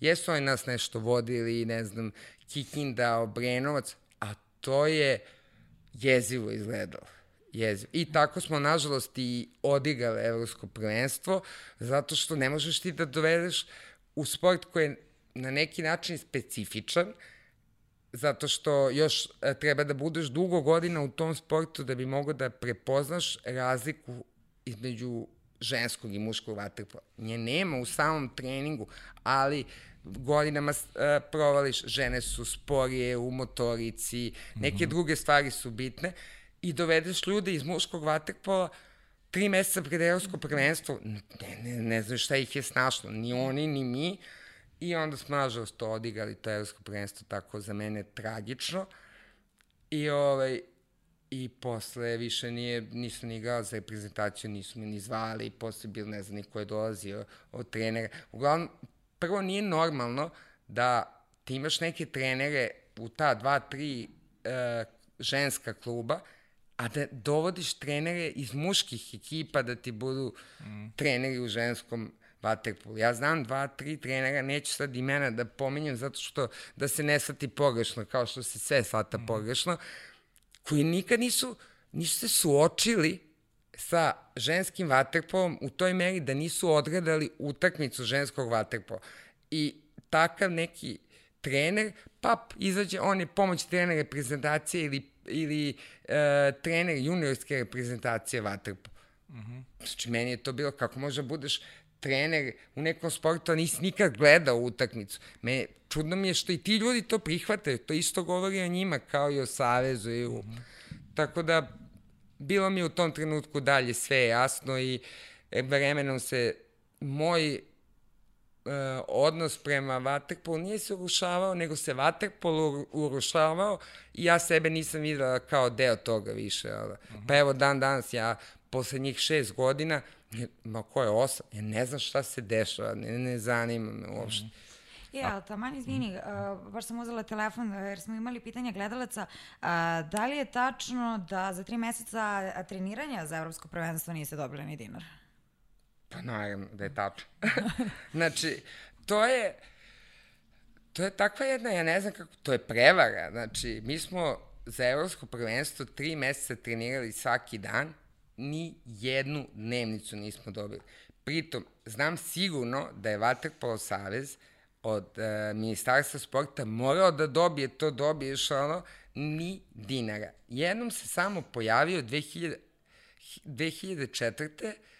pre te kvalifikacije u Nasiju, uh, neki sastanak sam im, i, smo imali i pojavili se generalni sekretar Vaterpolo Saveza u sred priprema i kao da nam kaže nešto i tu i kao podelio nam koverte. Ja to pamtim dan danas. 5000 dinara. Znači, to je od, e, to su pare e, koje sam ja od 2000-te dobila u Waterpolu, od Waterpolo reprezentacije i kad smo bili u Sevilji, ali to mislim da je na nekom uh, ličnom Lično, nivou Mikovićevom, uh, zato što nam je rekao, ako ostane od para nekih, ne, podelit ćemo vam, završava se evropsko prvenstvo, pošto smo igrali 7 dana, onda smo gledali muškarce, veče pre nego što ćemo da krenemo za, za, za Beograd, oni nam dele neke stipendije, kao ne, dnevnice, 240 maraka u to vreme za dve nedelje. Eto, to je bukvalno, to su sve pare koje sam ikada dobila od Vatripol Saveza. I izvini, pa evo samo još jedno pitanje, evo naša Aleksandra je napisala, neverovatno zvuči podatak da njene koleginice ono tokom igračke karijere nisu primile naknadu, koliko je teško baviti se nečim, u ovom slučaju vaterpolom, a da za to nemaš materijalnu satisfakciju. Pa, užasno je teško ako ti je to jedina, da kažem, uh, jedini način da zaradiš pare, da se prehraniš ili ostalo. Meni nikad nije bilo, hvala Bogu.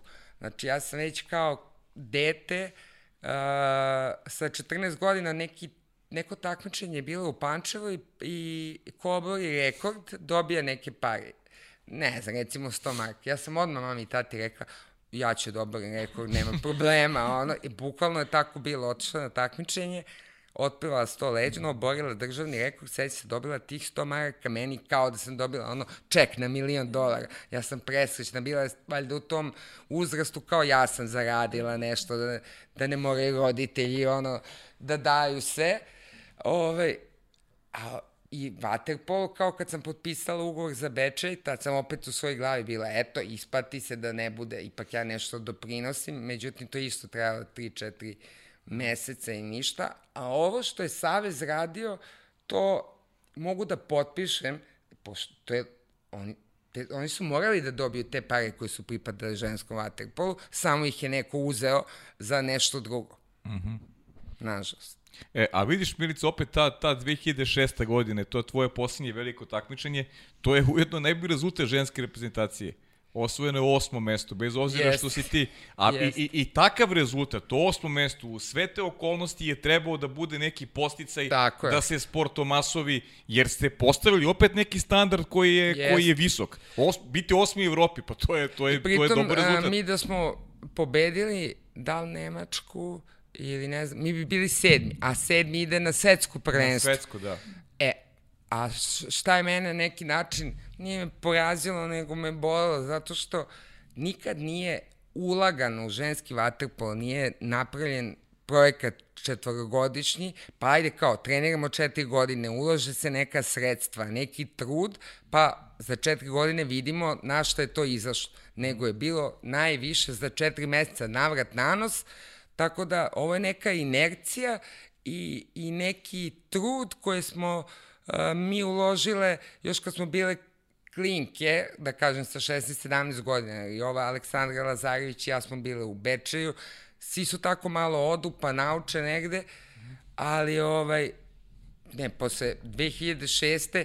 pa odmah su smenili selektora, tog uh, Peru Kovačevića koji nam je bio tri meseca, pa prvo to nije normalno da tri meseca pred evropsko prvenstvo ti dovedeš uh, čoveka koji isto nikad nije bio u ženskom vaterpolu, ni igra do utakmicu da ti bude selektor, on bude osmi, i posle mesec dana ti promeniš trenera i dovedeš opet nekog ko nema veze sa ženskim vaterpolom. Mislim, strašno. Je, ali kakav je osjećaj biti kapitan ženske reprezentacije? Eto, to je lepa tema. pa da, pa ne znam, uh, ja sam to doživela kao bila sam jako počastovana i jako sam ozbiljno doživela tu titulu, da kažem, ali ne prema svojim koleginicama, koliko prema svojoj zemlji i prema svom sportu, a ne znam da li sad to neskromno, nekako sam u svojoj glavi ja to uh, očekivala. Mm -hmm. Odnosno, ne očekivala, nego kad mi je trener rekao da će biti, ja sam bila u fazonu, to meni pripada.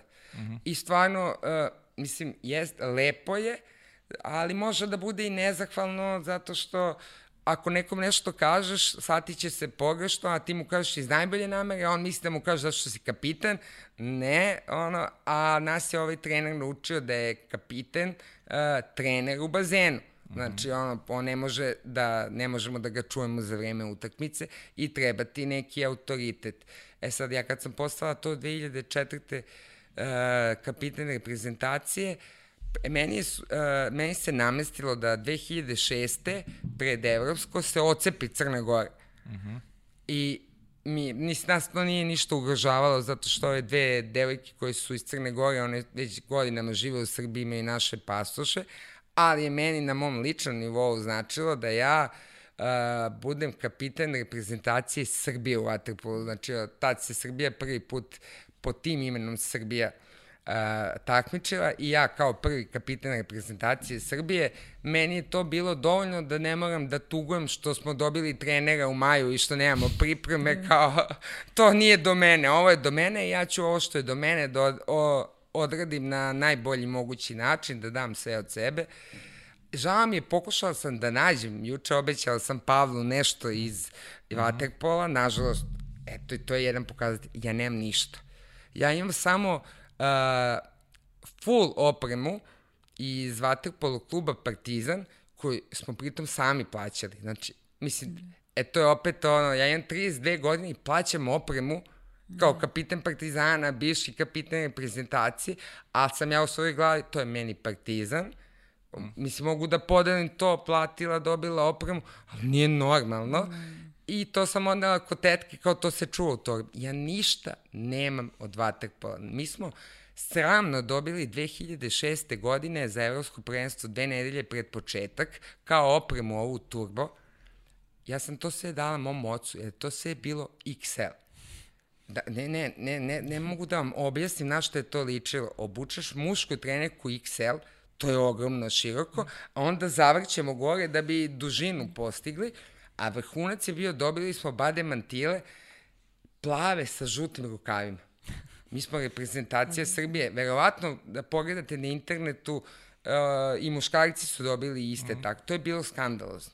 Znači, ja sam, znači, srušilo mi se sve ono kao prvi kapitan reprezentacije Srbije, igramo na tašu i kao pojavljam se u plavo-žutom kao Ukrajina, ne znam, ono, na šta to, to su neki otpaci, verovatno, pa neki dilovi sa turbom. Ja se sećam da sam full opremu tati, čak i njemu bilo, pritom moj otac metak 90 bio visok, sve mu je bilo i njemu dugačko i veliko. I ja bi te toliko stvari pitala, ali kad je Slobodno. to pitanje, Slobodno. ali sam više, više u fazoru da ti pitam neke lepe stvari, jer si zaista ostvarila mnogo veliki uspeh. I onda da li pamtiš neki eto gol, potez, utakmicu? Opet s druge strane, prvi put, kažu da je tada prvi put neka televizija prenosila utakmicu ženskog Jeste, vaterpola. to mi je bilo meni jako interesantno da ono, odemo posle utakmice u hotel i da popodne ima repriza yes. moje utakmice, ono, i ja sam neko ko je voleo da gleda uh -huh. sebe u bazenu, zato što vidim šta valja, šta ne valja, uvek sam analizirala i svoje poteze i poteze protivnika, i ovaj, s te strane mi je e, bilo zanimljivo. A ovako kad pogledam, ima gomila stvari Mislim, realno, meni je sve iz Waterpola što se tiče treniranja, kolega, koleginica, putovanja, nemam ružnu stvar. Mi smo to stvarno, to je mladi smo bili, to je jedno druženje, to je treniranje, svi za jednog, jednog, jedan za sve, sve mimo Saveza. Sve što je dolazilo od strane Saveza, to je pakao. To su igarije, to je politika. Naravno, ja to uh, kad sam imala 16-17 godina nisam kapirala, nisam kapirala ni sa 25-6, ali već sa 30 sam skapirala no, ono o čemu se radi. A evo baš kao da kažem interesantna crtica iz e, tog perioda 2006. Mi smo dve nedelje pred evropsko prvenstvo bile u hotelu M gore na banjici i pošto nas je 15, neko je mora da bude sam u sobi, ja se prijavila kao ajde ja sam među najstarijima i ovaj, došla s treninga i ja i dalje i u 30. godini ja ponesem loptu i u sobi bacam loptu i bacam tako loptu i razmišljam kao, jao, pa mi igramo kao Srbija prvi put, kako, i kao, kako bilo dobro da dam prvi gol za Srbiju. I to je meni samo prošla ta misao i to je to, zaboravila. I evropsko prvenstvo, prva utakmica sa Španijom, i mi gubimo od prve dve četvrtine 5-0. Ja, jednom sa, sa jednom od najjačih ekipa u Evropi. Da, ali se seća neki igrač više, ja sam šutnula, uh, videla je već u golu, golmanka je obranila i kao dobro, to je to. Počinje uh, treća četvrtina, i opet neka situacija i ja dajem go za 6-1 i kao a, sad ja u tom trenutku iz te perspektive samo da damo go, to nam je prva utakmica da se probije, ona mi padne kamen sa srca koji igramo na domaćem terenu, ne možemo go da damo, sramota me neću izaći iz bazena, ona, i dajemo go i ništa, ona izgubila, ne, ne se nešto 10 razlike i sutradan me zove da li Keva ili ko, kao, e, kupi politiku, ja otvaram politiku i kao, moja slika i kao prvi istorijski go za Srbiju. I tad se setim onog što sam pomislila i kako u životu sve dođe kad iskreno nešto želiš. Nisam ja nijednog trenutka pomislila, e, sad bi baš, ne znam, zbog ovog i onog, ili ne de Bože da bi namestila, ne, nego se samo namestilo, tako da je meni posle te prve utakmice, meni je već to bilo, ja sam prvi gol za Srbiju da. postigla kao dovoljno. je, a jel si se umorila od te neprekidne borbe, kako je bio tvoj vaterpolo život ili si se razočarala, zašto više nije bilo nastupa u reprezentaciji? E, pa ja verujem da posle 2006. više nije bilo nastupa zato što se opet u Savezu neka struja pojavila, mm ali mene već, e, već sam imala dovoljno godina i nisam se bavila time, zato što sam smatrala da sam već u odnosu, znači, e, ja kao igrač i ono što sam ja dala Waterpolu u Srbiji kao žena, odavno prevazilazi sve ono što će Waterpolo Savez sledećih 20 godina da da i onda me bil, baš me bilo briga više i za Savez i za, za, za to ko je tamo, šta se radi, a to se nažalost isto menjalo. Mi kad smo počeli kao reprezentacija 96. sa Acom na čelu, to se ipak držao neki nivo i da se ide zajedno na doručak, ručak, večeru i da se da je bitno kako se ponaša svaki igrač reprezentacije. Nažalost, od 2004. se sve to menjalo, srozavalo, to se, uh, kad je Aca bio selektor, to se ne bi dešavalo zašto on nije strog, nego jednostavno pravičan i ispravan, a posle dolaze neki ljudi koji su sebi dozvoljavali sve i svašta i ja jednostavno uh, jedan od razloga zbog kog nisam više u Waterpolu, zato što ne, ne, ne vidim se uz te ljude uopšte, nije uz koga. Jedino se vidim uz ove bivše kolege i sa njima mogu da pričam o Waterpolu, zašto smo prošli sve to zajedno. Imam ja i dobre i loše stvari iz Waterpola, kao što verovatno sve ove moje kolege koje su bile su doživljavale sve i svašta. Tako da, jedno je Waterpolo kao sport, ja ću Waterpolo uvek i voleti i podržavati i pre, e, podržavati klince koji hoće da se bave Waterpolom, a drugo je organizacije, bazeni, a opet s treće strane ne možemo da e, želimo da budemo dobri u sportu, a imamo četiri i po bazena. Znači, to je, sad se možda poslednjih par godina od nešto promenilo, kao zažive Novi Beograd, greje se bazen, uh, 25. maj, daš, znači ono na vračaru, ja ne znam, ono nije bazen, ja ga volim, zašto mi je blizu kuća, ali ona je kadica, ti nemaš ni prelive, one, znači, udare, udaraju ti talasi, taš je, ajde, ti tu je hranjikava voda, ali ajde, može da prođe banjicu, računaju u bazen, ja ne znam ko može ono da računa u bazen, ne zna se nešto promenilo. Znači, jezivo.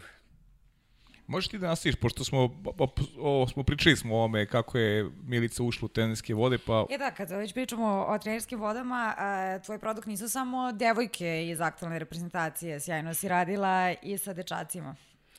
Jeste, ja sam počela da radim uh, igrom slučaja kao trener prvog tima u Vračaru, što nije bilo dobro, vraća se na onu priču stepenik po stepenik. Ali sam ja imala neko iskustvo rada sa decom, pa kao ponuđeno mi je to, prihvatila sam, e, onda sam počela da radim kao trener u Vaterpolu, Vaterpolu klubu Vračar, ali sam skontala u svojoj glavi, nema, moram da uzmem neku mađu kategoriju, moram korak po korak, i na, onda se to i desilo. Uh, I od 2007. 8. sam počela da treniram generaciju klinaca 98. I da kažem, to mi je poslednja generacija koju sam trenirala dečaka, a za mene je ona posebna zato što sam najduže ostala sa njima, svašta smo proživeli i ja i oni i njihovi, odnosno oni i ja i njihovi roditelji, ali od, eh, od te generacije sad imam klince koji su dostigli uh, prvi tim neki Partizana, Zvezde, koji su postali, da kažem, ozbiljni vaterpolisti i to mi je mnogo drago zato što uh, sam na neki način tu decu koju sam prepoznala tada da će biti super, ispostavilo se da i jesu. Je, a znaš me zanima, da li se slažeš sa selektorkom ženske košarkaške reprezentacije, Marinom Maljković, koja kaže da kada poželi da se odmori, da će uzeti da trenira mušku ekipu?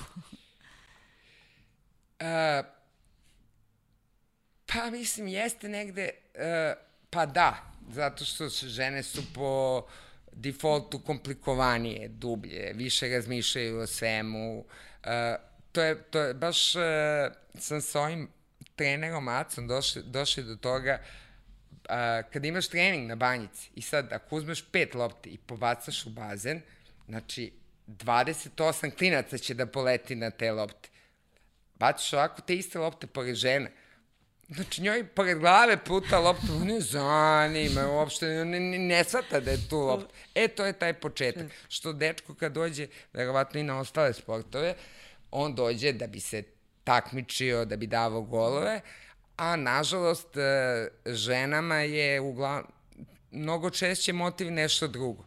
Što meni uopšte nije bilo jasno do nekih godina kao ja, ako ideš na sport, ideš na sport. Ako hoćeš dečka, idi u grad pa nađi dečka.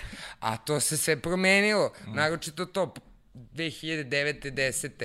Ja kad sam krenula da radim sa, sa tim devojčicama na banjici, od njih 15, pet uh, tri je došlo zato što voli sport, dve je došlo zato što im sestra trenira, a deset je došlo ne bi li videlo nekog prvotimca, našlog dečka i to je mnogo naporno. I dečaci uvek hoće da treniraju sa ženama, moraš da pričaš. Ja kad sam postala 2014. trener prvog tima na žena na Novom Beogradu, posle dve nedelje sam shvatila da je meni najbitnije da ja njih motivišem da oni dolaze svaki dan na trening, da ih ništa ne pritiskam, sve može, sve, znači, sve oko bazena je mnogo bitnije nego u samom bazenu.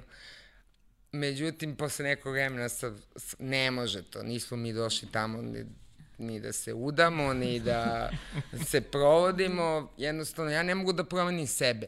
Ja sam neko ko je došao u sport da bi se takmičio i ako ću da vodim neku ekipu, onda ću da vodim ozbiljno, da bi pobeđivala, da bi oni napredovali, da bi ja napredovala, da bi savladavala, učila i samo me to zanima. I ako to ne dobijem, ne mogu, ono, idem na drugu stranu. E, ali bilo je devojaka koje su dolazile isto tako kao i ti, pa ajte čujemo prvo pitanje.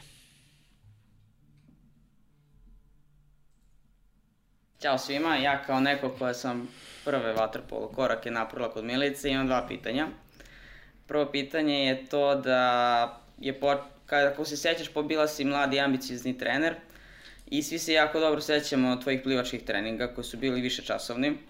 Sad, da li u tom trenutku je bilo i lakše raditi sa dečacima ili devojčicama koji je bio disciplinovaniji? I drugo pitanje, da li se sećaš onog e, gola protiv Holandije kada si ukrenula dve igračice i dala parabolu dijagonalu? Tako da, eto, to su dva pitanja koje bih postavila. A, pa hvala na pitanju. Pazi kad se ne seća tog gola protiv Holandije, pokušavam sad kako si pričala da vratim film uopšte nemam pojma, što ću iskoristiti prvom sledećom prilikom kad se budemo videli da me, da me podsjetiš. A što se tiče plivačkih treninga, mislim da a, je stvar da su i devojčice i dečaci u tom uzrastu to tako doživljavali. I ja, kad me pitaš dan danas, kao koji su ti najteži treninzi, uvek su mi plivački bili najteži u vaterpolu, zato što su dosadni, ono, suvoparni, a realno nisu. Ja sam čak doživjela pošto sam jedno vreme bila i trener plivanja i vaterpola i onda sam posle tu devojčicu sa plivanja, sad već devojku, uh, Sonju Stanković, dovela na vaterpolo. E, dok sam je bila trener na plivanju, plivaju oni nešto jedno pre podne i ona izgovara meni, ti nas kolješ. Ja ovako stojim iznad bazena i gledam me kao, pa da li je moguće da vi to tako neko, ti nas kolješ, kao ne mogu. Tako da mislim da, da su da su više, da je to njihov utisak u tom periodu, zato što uvek je da čekaš da dobiješ loptu, da igraš utakmicu, da šutiraš na go i onda ti je svaki plivački trening pretežak. A, a s druge strane, ja sad, mo, ja mo, toga mogu da se setim, a gola protiv Holandije ne mogu, da u tom uzrastu njima trenizi nisu prelazili preko 2 km, su imali sat vremena bazena na račaru, tako da to, to je Joni ostalo samo u lošem sećanju, ono, zbog težine plivanja. Ja, samo da kažemo za one koji, koji ne znaju, koji nas prate, Jovana Pantović, inače reprezentativka Srbije i e, vatripoliskinja Vojvodine, eto, za, za one koji možda nisu prepoznali, koji ne znaju. Hoćemo da spomenemo Ukrajinu pa da čujemo još jedno pitanje. Ajde, može, može Znači, da. Da, Evropsko prvenstvo u Ukrajini. Tako je, da. Bila 2010. godine za juniorke, ti si, da, ti si tada bila pomoćnik, zato što da, Da, pričam da, malo ne, pro Asika meni je smešno Da. zato što, ne verujete, ja, de, to je meni kao da sam bila u time travel. Ne, znači ono, bukvalno odlazimo u neki uh, Dnjepro Deržinsk, koji je pored Dnjepro Petrovska, tako sam i zapamtila zbog svog prezima, kao Ukrajina, i, i ide se avionom iz Beča. To mi je prvo kao, ja nisam čula kao, ok, Dnjepar, znam kao kako iz Beča odlazimo, prvi šok mi je sletanje na aerodrom, na toj istoj aero, aerodromskoj pisti, žena prostire veš. Ja kao, dobro, nije baš valjda tako teško, izlazimo i po nas dolazi autobus, ali stvarno, to je kao onaj iz, ko to tamo peva, e, samo na kinđuren još. Oni nemaju ventilaciju u autobusu, nego jedan mali ventilator ovako zakačen, ono, ispred šofera. Iako, ja ne mogu da verujem, 2020. Zašto? Zašto? Kako smo mi ovde završili? Odlazimo u hotel, uh, to je, taj grad je uh, na, ne znam, nadmorske visine, odnosno udaljenosti od uh, našeg hotela, uh, od fabrike čelika, možda kilometar. Ja uveče dolazim sa utakmice, vidim piljevinu neku, ono, od fabrike čelika. I sad, i meni nije jasno kako je neko odlučio da bude evropsko juniorsko prvenstvo Evrope u tom mestu. Ukrajina nema vaterpolo ženski, oni su došli na to uh, evropsko prvenstvo sa njih osam i po otprilike. Vidiš da su ih sklepali nekako i ko je izabrao da se održava tamo i znači jezivo. I ja sam posle tog uh, trenutka na pisti i te žene koja širi veš, sećam se ušla u autobus, svako držim torbe i razmišljam, ne, ne, ja ću sad da uzmem kartu, da se vratim nazad, reći Aci, Aco, izvinite, ali ja stvarno ne mogu ovo, ja ne mogu ovde da boravim dve nedelje, ovo je skandalozno, i kao razmišljala kako ja to njemu da saopštim, a da se, da se ne naljuti na mene, kao na naljuti, kao, pa realno naljutić, a valjda on mene kapira da ja ne mogu ovome da funkcionišem, i onda sam bukvalno dve nedelje uh, samo bila, prespavam u hotelu, ujutru doručak, idemo na bazen i ja po ceo dan na bazenu sa jednim kolegom vodimo statistiku za utakmice samo da, da ne mrgnemo odatle. Pa kao, A ispostavilo se da je rad u Novom Beogradu, tako bio poslednji Da, angažman da. u Waterpolu. Jest. Tu sam uh, zagrizla, tako da kažem, ono, lažnu udicu, jer sam ja dobila priliku da vodim žene prvi tim i u, ono u svojoj glavi kao, e, super, to još nisam vodila, igraju prvi tim, bilo je 5-6 ekipa u domaćem prvenstvu i to mi je na neki način još falilo kao treneru za moju trenersku karijeru da vidim kako se ja snalazim u tome, zato što sam vozila, vodila mušku ekipu i sad dobijam priliku žensku ekipu, jer ipak ja smatram da žena treba da vodi žensku ekipu, uopšte nisam, uh, ne delim stvari u životu muške i ženske, ali smo bliže, jednostavno, ipak su tu i hormoni, i Tako. hiljadu stvari i razumljivije su mi žene nego Evo, muškarci. Da, ovo, to, to je iz Ukrajine. E, nemam tu majicu. nemam, nemam ništa od opreme. Čak i ova majica je super bila. Da. ovaj, uh, izvini sad. Da, Novi Beograd. da, Novi Beograd. Uh, I kao to mi je samo super kao iskustvo hoću, međutim, posle 3-4 meseca sam shvatila da je to sad se pre, prenelo i na klubski vaterpolo kao i na reprezentativni. E, sad nam nešto treba, e, daj iz fioke da izvučemo ženski vaterpolo ili ovog ili onog i shvatila gde to ide i žao mi je zato što je tu bilo nekih 15-20 devojaka, Uh, čak su se pojavile neke baš, baš klinke koje su bile jako dobre. I samo zbog toga mi je žao, ja sam onda videla potencijal i gde mogu da završe, međutim to je stvarno posle, ja mislim da je četiri meseca prekinuta ta saradnja. E, imamo još vaterpoliskinja koje su dobre, pa ajde da čujemo još jednu. A, kao što je Jovana rekla, neko ko je svoje prve korake u Waterpolu napravio sa i porad Milice, a ja imam par pitanja za nju. A, da li može da nam kaže kako je to raditi sa ženama? A, drugo pitanje, a, koji, koja utakmica je najviše ostala u sećanju? I a, treće pitanje jeste da li može da nam kaže a, rad u kom klubu je bio najbolji? Uh, ajde ovako, posljednje pitanje, pošto mi je najsvežije, uh, rad, mogu da kažem da mi je u, u Vračaru bio najbolji, zato što smo bili nekako mlade kolege, neafirmisane i dosta smo pomagali jedni drugima, na to mislim ovaj stručni deo trenera u Vaterpolu klubu Vračar, zato što je tu bilo 3-4 trenera koji su i trenirali Vaterpolo i želeli da se bavim tim, eh, tim poslom. Naravno, mi smo najviše imali problema sa onim delom trenera koji nisu bili iz Vaterpola, čiji su roditelji bili predsednici skupštine klubova, direktori i ostalo, ali i kao igrač i kao trener te četiri godine u Vračaru su nam opet bile lepe. I družili smo se i baš ove dve devojke i Mila i Jovana su pravi pokazatelj da iz tog uh, kvalitetnog i lepog perioda imaš dan danas dve, one su jedne od nosićih uh, igračica u vaterpolo reprezentaciji. Da. Mila Glučević, inače da. vaterpolijski empire, eto da, da kažemo samo onima koji gledaju. Uh, ono pitanje što se tiče utakmice koja mi je ostala upraćena, nažalost, imam te dve koje smo izgubili, bukvalno dva prvenstva mm -hmm. sa, tad su i Mila i Jovana igale, pa mi je ostalo, vodiš tri minuta prije kraja utakmice, izgubiš ono s gola razlike, to je ostao žal neki, a ovako nemam neku uh, utakmicu koja mi je kao baš ostala u sećanju. Se, jedna mi je ostala zato što smo trebali bez problema da, da osvojimo taj kup i mi smo pobedili ta što je recimo 2004. I samo smo trebali Bečej da pobedimo, koji smo već pobeđivali onako lagano.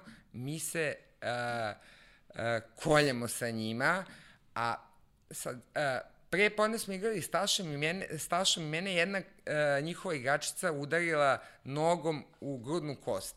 I ja sam popodne spavala, probudila se i, i mene je to bolelo mm. užasno. I sad igramo utakmicu i valjda ja sam već tad bila među starijima i to sam osetila da mlađe igračice imaju ne samo poverenja, nego kad meni ide, onda i njima ide nekako mm -hmm. lakše. I ovaj, I ovo smo se nešto onako kljakavo, a treba samo da pobedimo kao Beče i da os osvajamo kup. I mi nerešeno, bukvalno ostalo, ne znam, 10 sekundi do kraja utakmice i e, daju mi loptu nešto iskosa s nezgodne strane iz kornera, ja na out, e, na ovoj korner liniji i odatle šutnem šraubu i dan go i to mi je ostalo. Zato što sam ja uspela da razmišljam u tom trenutku, ja jedino mogu ovako da šutnem, šaubu pod ovim uglom i kao, ako uđe, car sam, ono, ako ne uđe, šta ću, kao, i ušla je i to mi je ostalo. Znači car si. Car, car, carica. carica. Pošto je Mili, e, carica Milica bila zauzeta, ja ću biti Milica carica. ja, kaži mi Milica, pre nego što krenemo i na pitanja gledalaca, ima ih zaista dosta. Uh, što mi je drago jako da ljudi da, da. hoće da, da učestvuju. Hoće, hoće to, i bivši, to. bivši igrači neki koji su redovni i ima zaista dosta pitanja. Uh, I postoji neka šansa da se vratiš vaterpolu? Posle svega, posle svega što smo čuli. Pa, pa postoji sigurno, zato što to uh, jedna ogromna ljubav prema vodi, prema sportu u vodi, ali ne vidim ne vidim kako bi to moglo da se desi. Sve, evo sad, sad bukvalno kako sam je pitao kao, pa mogu bi se desiti tako da se organizuje neka letnja liga, pa da e, nema... Pazi, sve što si do sad razmišljala ti se ostvarilo. Pa to, da to, to, pa da. da Čekaj, onda da, da pazi šta kaže. Da. Letnja liga, da se igra na otvorenom, da se prave ekipe mimo saveza i bilo kakve politikiza, polit, politizacije ovog svega, ovaj, nego da se igra vaterpolo, da se ljudi zabavljaju, da se sport promoviše. Nažalost, uh, me, jedna od stvari koje meni nikako ne ide u glavu, da Liga Waterpolo se igra od oktobra do maja, što znači zimi. Sad, kreneš od toga, ko će da ide da gleda uh, letnji sport realno, koji se igra u bazenu, može da igraš i na polju, na minus 5 ili minus 10 i još da poželi da ga trenira. Neće niko. Ja se sećam trenutak, izađem sa banjice, stavim kapu na glavu, do kola čeka me ono tata posle treninga, meni se zaledi ovo što mi viri. A zamislite da počne sezona u maju i da se igra do oktobra i da sad imaš na otvorenim bazenima utakmice, posle plivanja građanstva, sigurno bi ljudi ostajali, pa sigurno bi od svakog tog ostanka nek jedan klinac ost, uh, sutradan ode da upiše vaterpo, pa dobijemo nešto. Ovako se nam se sport sveo na porodicu i prijatelje. Da. Znaš kako i tako razmišlja, veruj mi. Pa zato što nije, nije logično da razmišljaš da. lepo vreme, ipak mm. su ono u kupaćim kostimima, gaćama, polugoli, zima, a ovaj dođe u jakni, pa skida jaknu na tribinama, pa deće da je stavi. U kontri smo da zavoliš takav sport. E, ali sad nam se možda i očekuje letnja liga, s obzirom da se milici sve ostvaruje. A prije nego što prijeđemo na pitanje gledalaca, ja imam jedan deo koji mene posebno zanima, a to je Narodno pozorište. I mi smo pričali o tome, tebi je tata statirao kao student, Kao student, mama ti je jest. bila suflerka i ti Jest. si čak statirala u po kojoj predstavi kao klinka. Jesam i to je, pozorište je stvarno meni, uh, sport i pozorište su meni olakšali život. Znači, u sportu, pošto sam od malih eh, nogu, od osme godine u sportu, sport te nauči i na pobede i poreze i pravdu i nepravdu i na to da možeš da treniraš ali da ne trenirate svih 15 jednako pa da izgubite nešto što ste mislili da ćeš da dobiješ. To je jedan život u malom i te stvari koje, da ne pričamo o disciplini, o poštovanju protivnika, kolega, to je nešto što, ti treba za ceo život. I meni je olakšalo zato što sam te stvari prolazila kroz sport i onda kad mi se neke stvari dešavaju u životu, meni to nije čudno, jer sam ih već negde, negde prošla. A pozorište je opet... Uh, Narodno pozorište je jedna zgrada sa 700 zaposlenih, to je jedan mikrosvet svoj.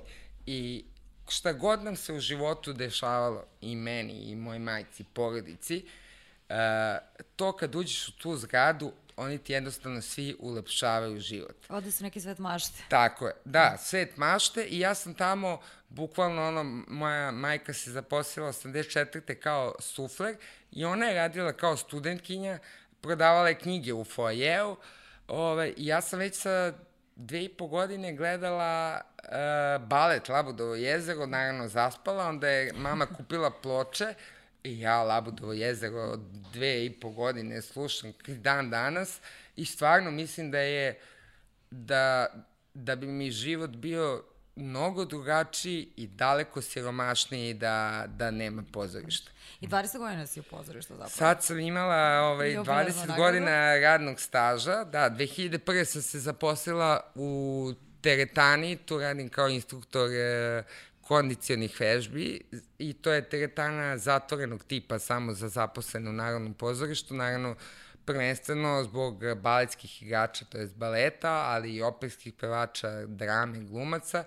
Ovaj, a počela sam još 97. sam kao razvodnica, to ono, studenti, pa radimo kao razvon, razvodnice, a 86. sam prvi put da kažem, stala na scenu Narodnog pozorišta, statirala sam u dve predstave, u Konaku, e, Mire Trilović, to je predstava o Aleksandru Obrenoviću i Dragoj Mašin, i pre toga u Koštani. To u Koštani je baš bilo statiranje, to su one grupne scene, ali se ja sećam svog osjećaja, verujte mi, dan danas. Uh, rekli su nam kao, to je neka scena gde je najviše ovih i glumaca i, i igrača na sceni i tu ćemo i mi kao da se pojavimo s nekim dajerama i kad kreće muzika, onda nama inspicijent ili sufler da znak da mi uđemo. Ja se dan dana sećam tog mog uzbuđenja. Kako uzimam, da, to kao da sad ja treba da igram, a ja samo ako izađem i kao udarim dva puta dajerama i sednem tu, ali meni je celo telo džuskalo uz koštanu i dan danas kad pustim tu stvar, ja se setim tačno tog osjećaja. Je li bila veća trema u bazenu ili tada? E, Pa ne, ja, hvala Bogu, nisam imala problem nikad sa tremom. Možda da sam na, na mala sam bila, šta sam imala deseta godina, da sam nešto govorila, pa bi možda imala tremu, ali ja verujem, ja sam inače škorpija u horoskopu. škorpija. E, pa eto to. Ne, ja neko, sve stvari koji mi dođu, u mojoj glavi je da je to meni trebalo da dođe i da ja sad nemam tu prostora da ja sad imam tremo, nego ja sad to moram da odradim maksimalno ozbiljno, ne bi to meni došlo u životu da onaj gore ne misli da ja to treba da odradim. I to mi je nekako tako ceo život u gomili stvari na taj način funkcionišem, kao i što kad ja pomislim da nešto nije za mene, ne može niko drugi da me ubedi e, da jeste, zato što je to neki osjećaj koji se javlja u čoveku. Instinkt. Instinkt, naravno. E sad radiš u pozorištu kao instruktor kondicionih vežbi. Kakvi su glumci kao vežbači? E, pa prilično lenj. Znači, ja sam od 2000-te počela da radim baš u teretani i onda ono kao neko ko je mlad iz sporta došao na to mesto, onda sam ja prvih 5-6 godina stvarno trudila se i renovirala tu teretanu, uh, jurila ove moje neke kolege koji su u sindikatima da nam daju neki novac. Tako, iglo slučaja, Svetozar Adamović, on je sad uh, baletski igrač u penziji, on je bio predsednik sindikata i, i trenirao, zato je bio tako dobar baletski igrač. I onda sam, ajde molim te da kupiš ovo. I onda smo je koliko toliko doveli u red i motivisala sam gomilu svojih kolega, glumaca, zašto smo se i družili mm -hmm. i to je onaj period kad je svima krenulo kao idemo u neki bolji, lepši život 2000-te mm -hmm. i to je trajalo uh, do recimo, to je to, to je moja lična želja koju sam uspela da prenesem i kako sam ja spasala u smislu već radim dovoljno godina, tako su i glumci prestali da uh, da dolaze. Ima naravno što možete i da vidite ono, po fizičkom izgledu glumaca ko, ko trenira, ko ne trenira, ali mislim da da to sve ima veze sa tim u kakvoj zemlji živimo, u kakvim uslovima živimo, sve to, naročito naravno pozorište je jedna državna firma i ja sam to, hvala Bogu, na vreme shvatila kako je uopšte stanje u cijeloj zemlji, najbrže i najtačnije se ocrta u jednoj državnoj firmi koja je koji ima toliko zaposlenih. Ali dobro, nama je ovako ta teretana napravljena prvenstveno zbog prvenstveno zbog baletskih igrača i oni dolaze ne tako ne svi, ne tako redovno, a opet ko hoće da bude vrhunski, on trenira, bitno je da u Narodnom pozorištu postoji teretana i da da jedan umetnik iz bilo kog umetničkog sektora ima gde da trenira, ima sa kim da trenira ako hoće. A, ovaj, a naročito što pritom umetnici s njima to kao da si mama i tata, moraš da ih teraš, navikli su tako. Meni nije bilo, meni to i danas nije teško zato što sam ja odrasla u pozorištu. Ja često za sebe kažem da sam ja dete pozorišta, a i jesam ono, mislim nisam toliko vremena provodila, ali sam išla ono, kad mama završala probe, pa sam bila u te dve predstave statirala, što je značilo da a, budem četiri sata na probama, pa sam imala neke drugare koji su i danas isto rade u pozorištu, tako da zbog toga je ostalo kao dete pozorišta i neko sam stvarno doživjela predivno detinstvo iz te perspektive. Ja se sećam, odlazim na neko takmičenje u plivanju 89. i znali su ovi iz predstave Kona gde idem na takmičenje i svi su mi se ispodpisivali na neku razglednicu, to je meni tad znači. Sad, verujte mi da mi sad više znači. I tad mi je značilo, a sad kao ipak to su neka imena od Borisa Kovnića, Marka Nikolića, Svetlane Bojković, to su velikani, ono, ipak i dan čuvam ja to danas, mm -hmm. to mhm. meni znači. E, a iz tog glupačkog sveta koga bi možda izvojila? S kim ti najljepši? Ili da sarađuješ ili da se družiš Pa ja sam e, probala, to je verovatno i stvar negde vaspitanja, ni, ni moja majka se nije nešto intenzivno nikad družila e, sa glumcima, odnosno sa kolegama sa posla. I jako treba voditi računa, naroče s kolegama na, e, sa posla, ta granica u druženju. E sad, moja sreća je što moj posao uh, konkretno ne ugrožava nikog iz umetničkih sektora, mm. nego ja sam tu samo da bi oni bili još bolji. Nema tako da, da, da. I onda nisam imala problem i mahom ja i volim glumce, glum, gluma je jedna specifična profesija i zanimanje i stvarno je jako teška zato što kogod nama izgledalo možda lako, da bi glumac bio dobar i da bi igrao kako treba da izneo neku ulogu, on mora ozbiljno i sebe to da iznese. E, I onda e, o, družim se sa par ljudi i to je na, na, nabrajaću ih zato što ih ima malo, Uh, Mihajlo Lađevac je moj drugar od 98. godine, on je isto do pre dva meseca bio glumac Narodnog pozorišta, ali umeđu vremenu se ocelio na Novi Zeland i tamo je nastavio da se bavi glumačkom profesijom, ali na, je, iz, na jedan pedagoški način. Uh, ovaj, predaje na fakultetu njihovom neki predmet, ali sad ne mogu da setim koji, ali nisu kao naši predmeti, drugačiji su, pa nije čudo što ne mogu da se setim. I družim se još sa Nenadom Stojmenovićem i sa Marijom Vicković i i Ivana Jovanović. To su mi drugari bukvalno 20 godina, ono, s njima sam od početka uhvatila neki, neku frekvenciju i balans i mnogo mi je drago zbog toga, zato što su mi oni stvarno iskreni prijatelji. A opet uh, i drago mi je zato što sam imala sreće da sam u toliko različitih sfera životnih. Jedno je sport, jedno je pozorište, jedno je muzika i stvarno imam puno prijatelja i drago mi je zbog toga. E, baš sam to htjela da ti pitam. Ti si toliko imenica svestrana da ne znam da li ti pitam da li više uživaš radići u, pozorištu ili puštajući muziku.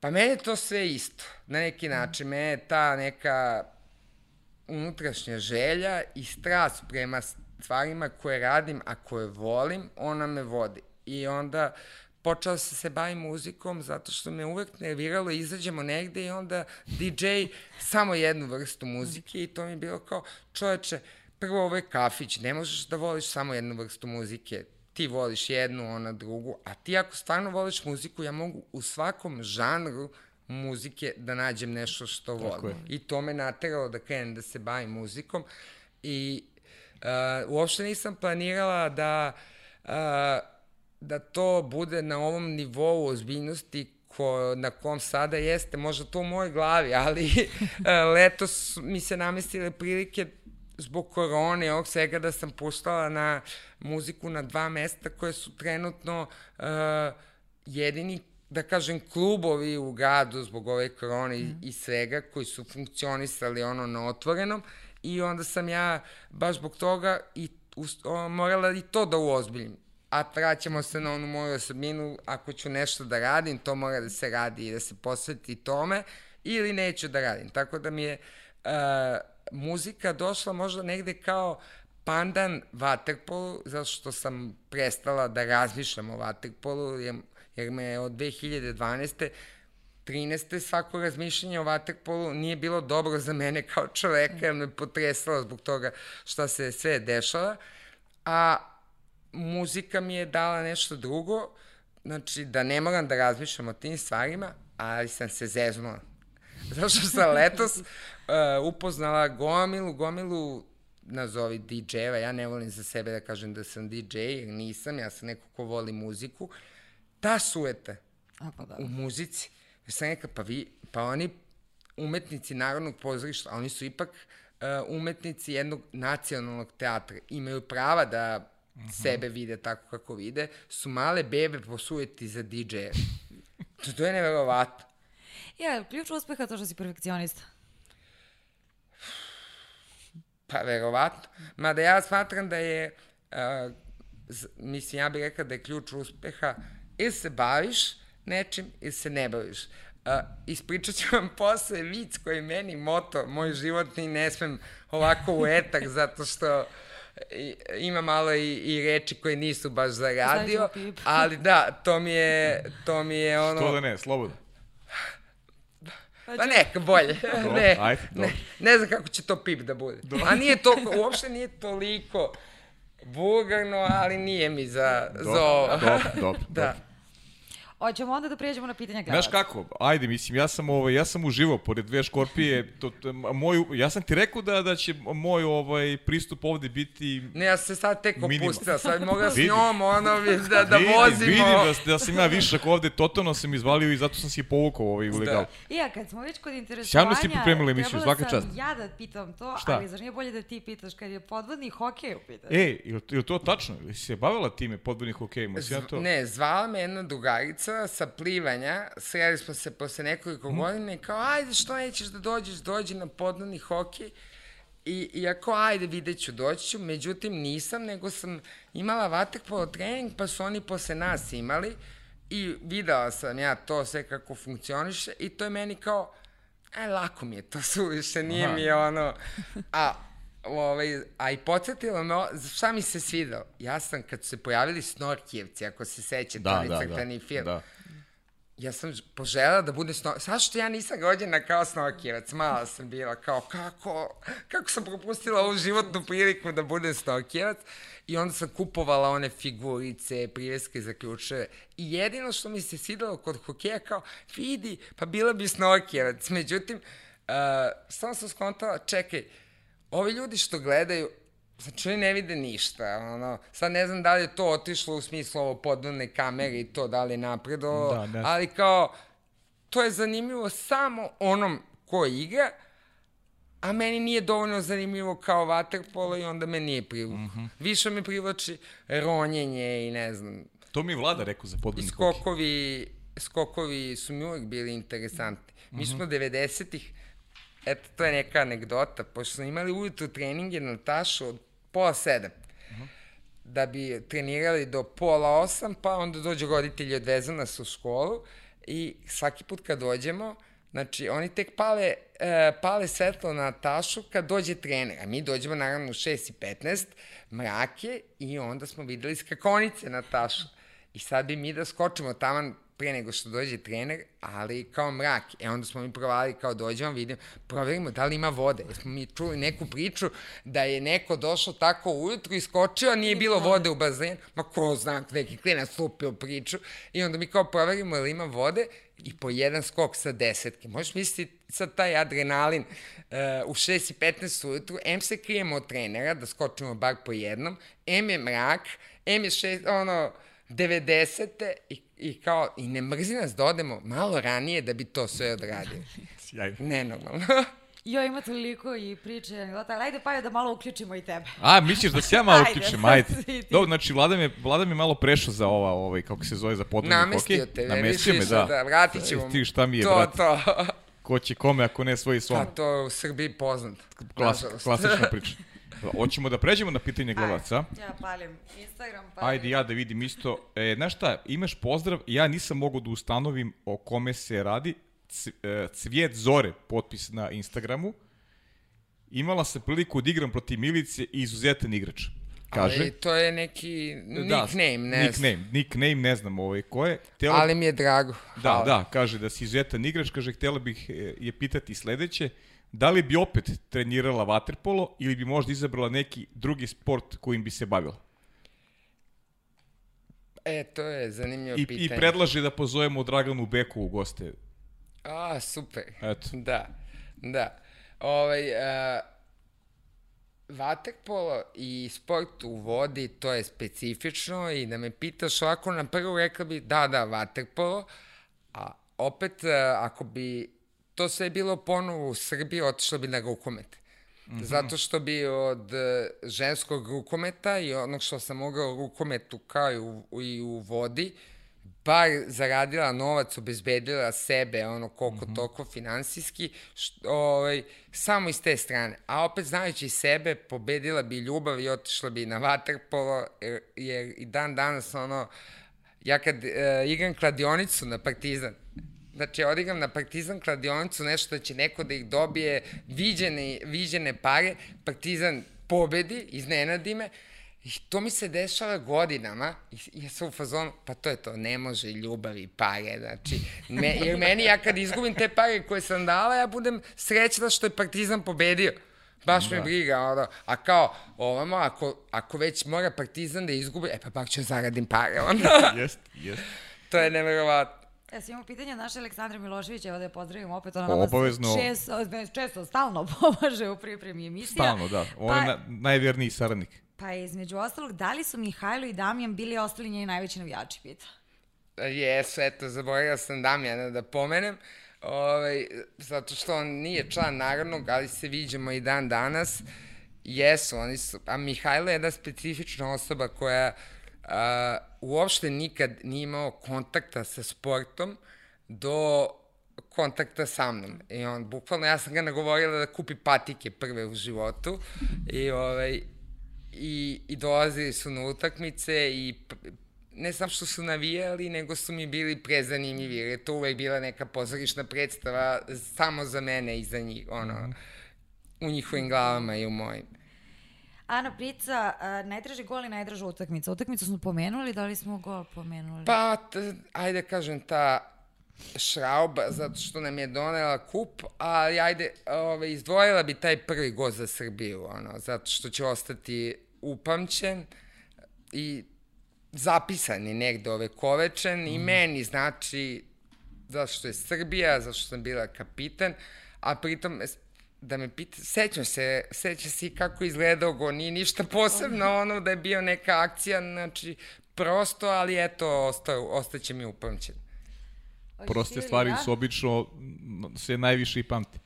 E, koje tri igra... E, ovo je Sandi Mertelj, on je bivši reprezentativac Slovenije u, aha, aha. u Waterpolu i uvek ima zanimljiva pitanja, pozdravlja sve u studiju. Pozdravljamo e, i mi njega. Da, kaže, bravo što se odlučila za Waterpolo, zdrav sport sa mnogo vica u igri i dobro druženje. Yes. Čestitke, kaže, za sve uspehe i samo tako dalje. Poručuje Sandi, pita Hvala. koje tri igrača i koje tri igrača su trenutno najkompletniji, najbolji u svetu Waterpola, pita Sandi.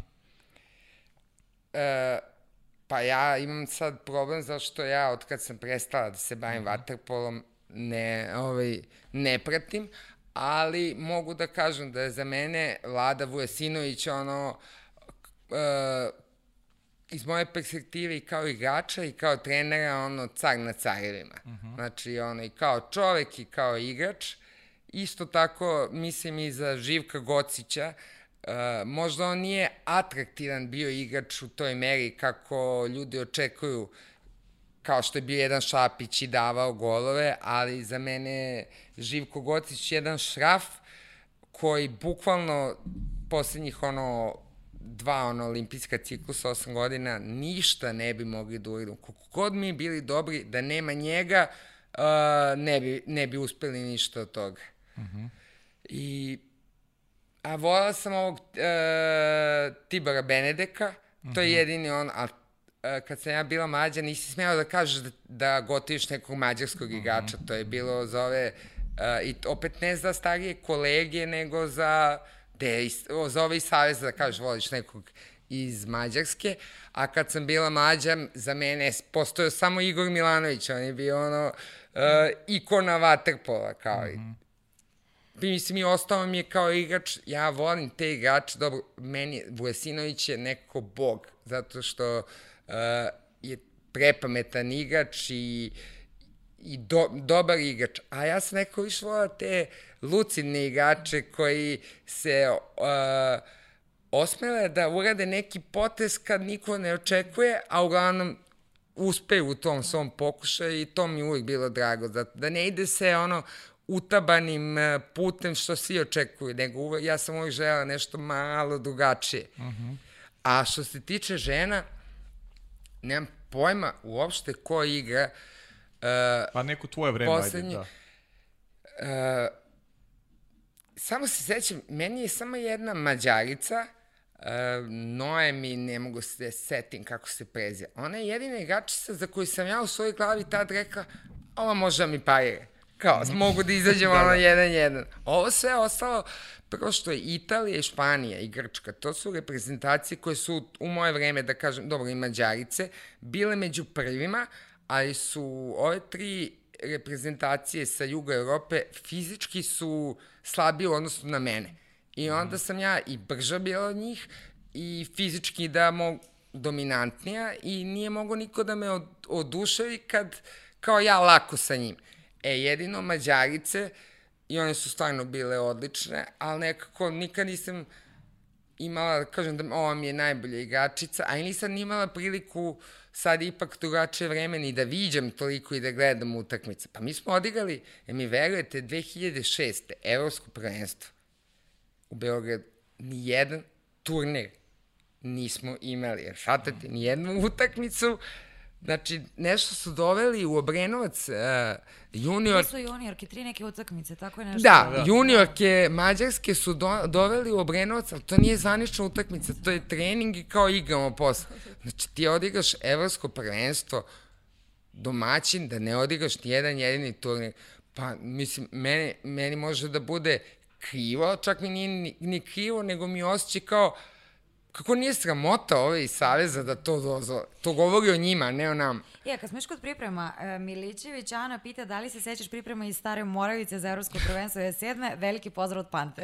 e, ja sam baš htela da, da vam predložim uh, da dovedete Draganu Milićević, uh, to je udato prezime, inače Panterić, zato što je ona devojka koja je sad žena, ja kad sam počela da treniram vaterpolo, ona je već trenirala godinu dana zato što je njen e, rođeni brat bio prvotimac Partizana i ostala je u tom vaterpolu do dan danas. I ona je imala neku kratku pauzu, to oko 2003. četvrte, zašto se udala, rodila jedno dete, drugo dete.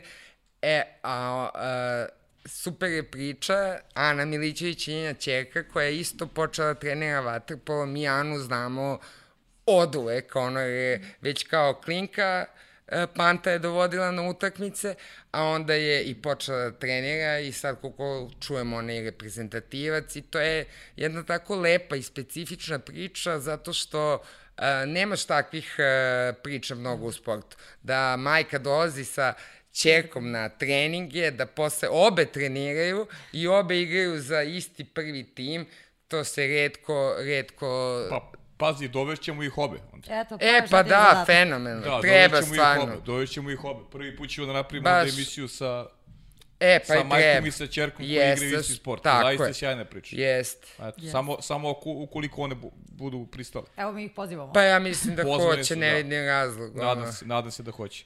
Hoćemo, ajde još jedno pitanje, ajde budemo, da budemo koncizni, probamo da odgovorimo na koliko vaterpoliskinje jedu posle treninga i šta jedu, pita Sandi, kako se opuštaju? Ja dok sam trenirala kao tsunami. Evo, mislim, evo, bar ove drugarice, dve, tri s kojima se družim i s kojima sam se družila u vreme dok smo igrali u Vračaru i Partizanu, mi smo se zezale, ono, posle utakmice da se vedu na, na večeru i sad gde smo naš četiri, to je bukvalno kao tsunami.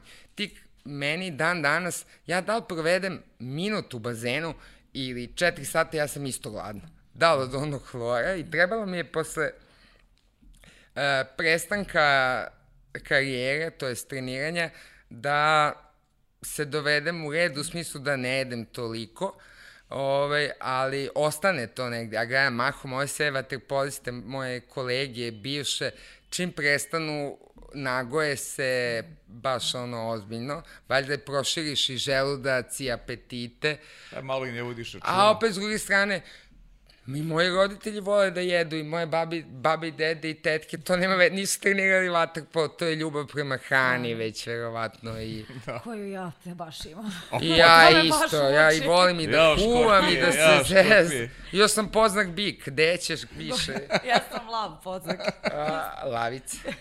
e, ajmo ovako, A kako je došlo u svijet vaterpola, to smo odgovorili, pozdrav iz Rume. E, dobila si toliko pozdrav iz cijele Srbije. E, najdraža utakmica, najdraži golovi, da li pratiš ova žensku vaterpolo cenu, to smo odgovorili. E, koja je najbrža igračica sa kojom je igrala i koja je najteži plivački trening plivala?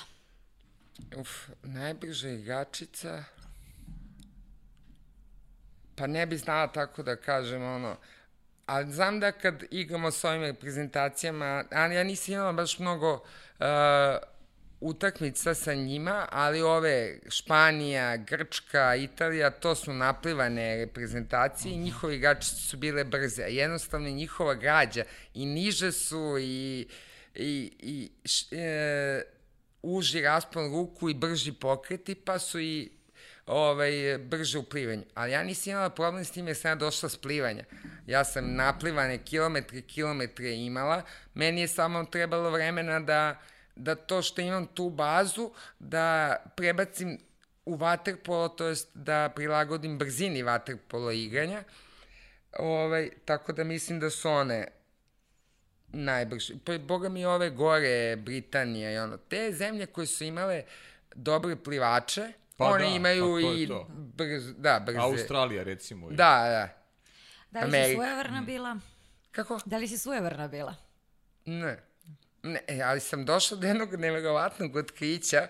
To je pred utakmicu šutiram i ono što milion posto pogodim, vidim ja se mi nešto, ne mogu da pogodim to što znam. I onda kako sam bila starija, kako sam radila kao trener, skontam, e, PMS ženski, to jest Eto.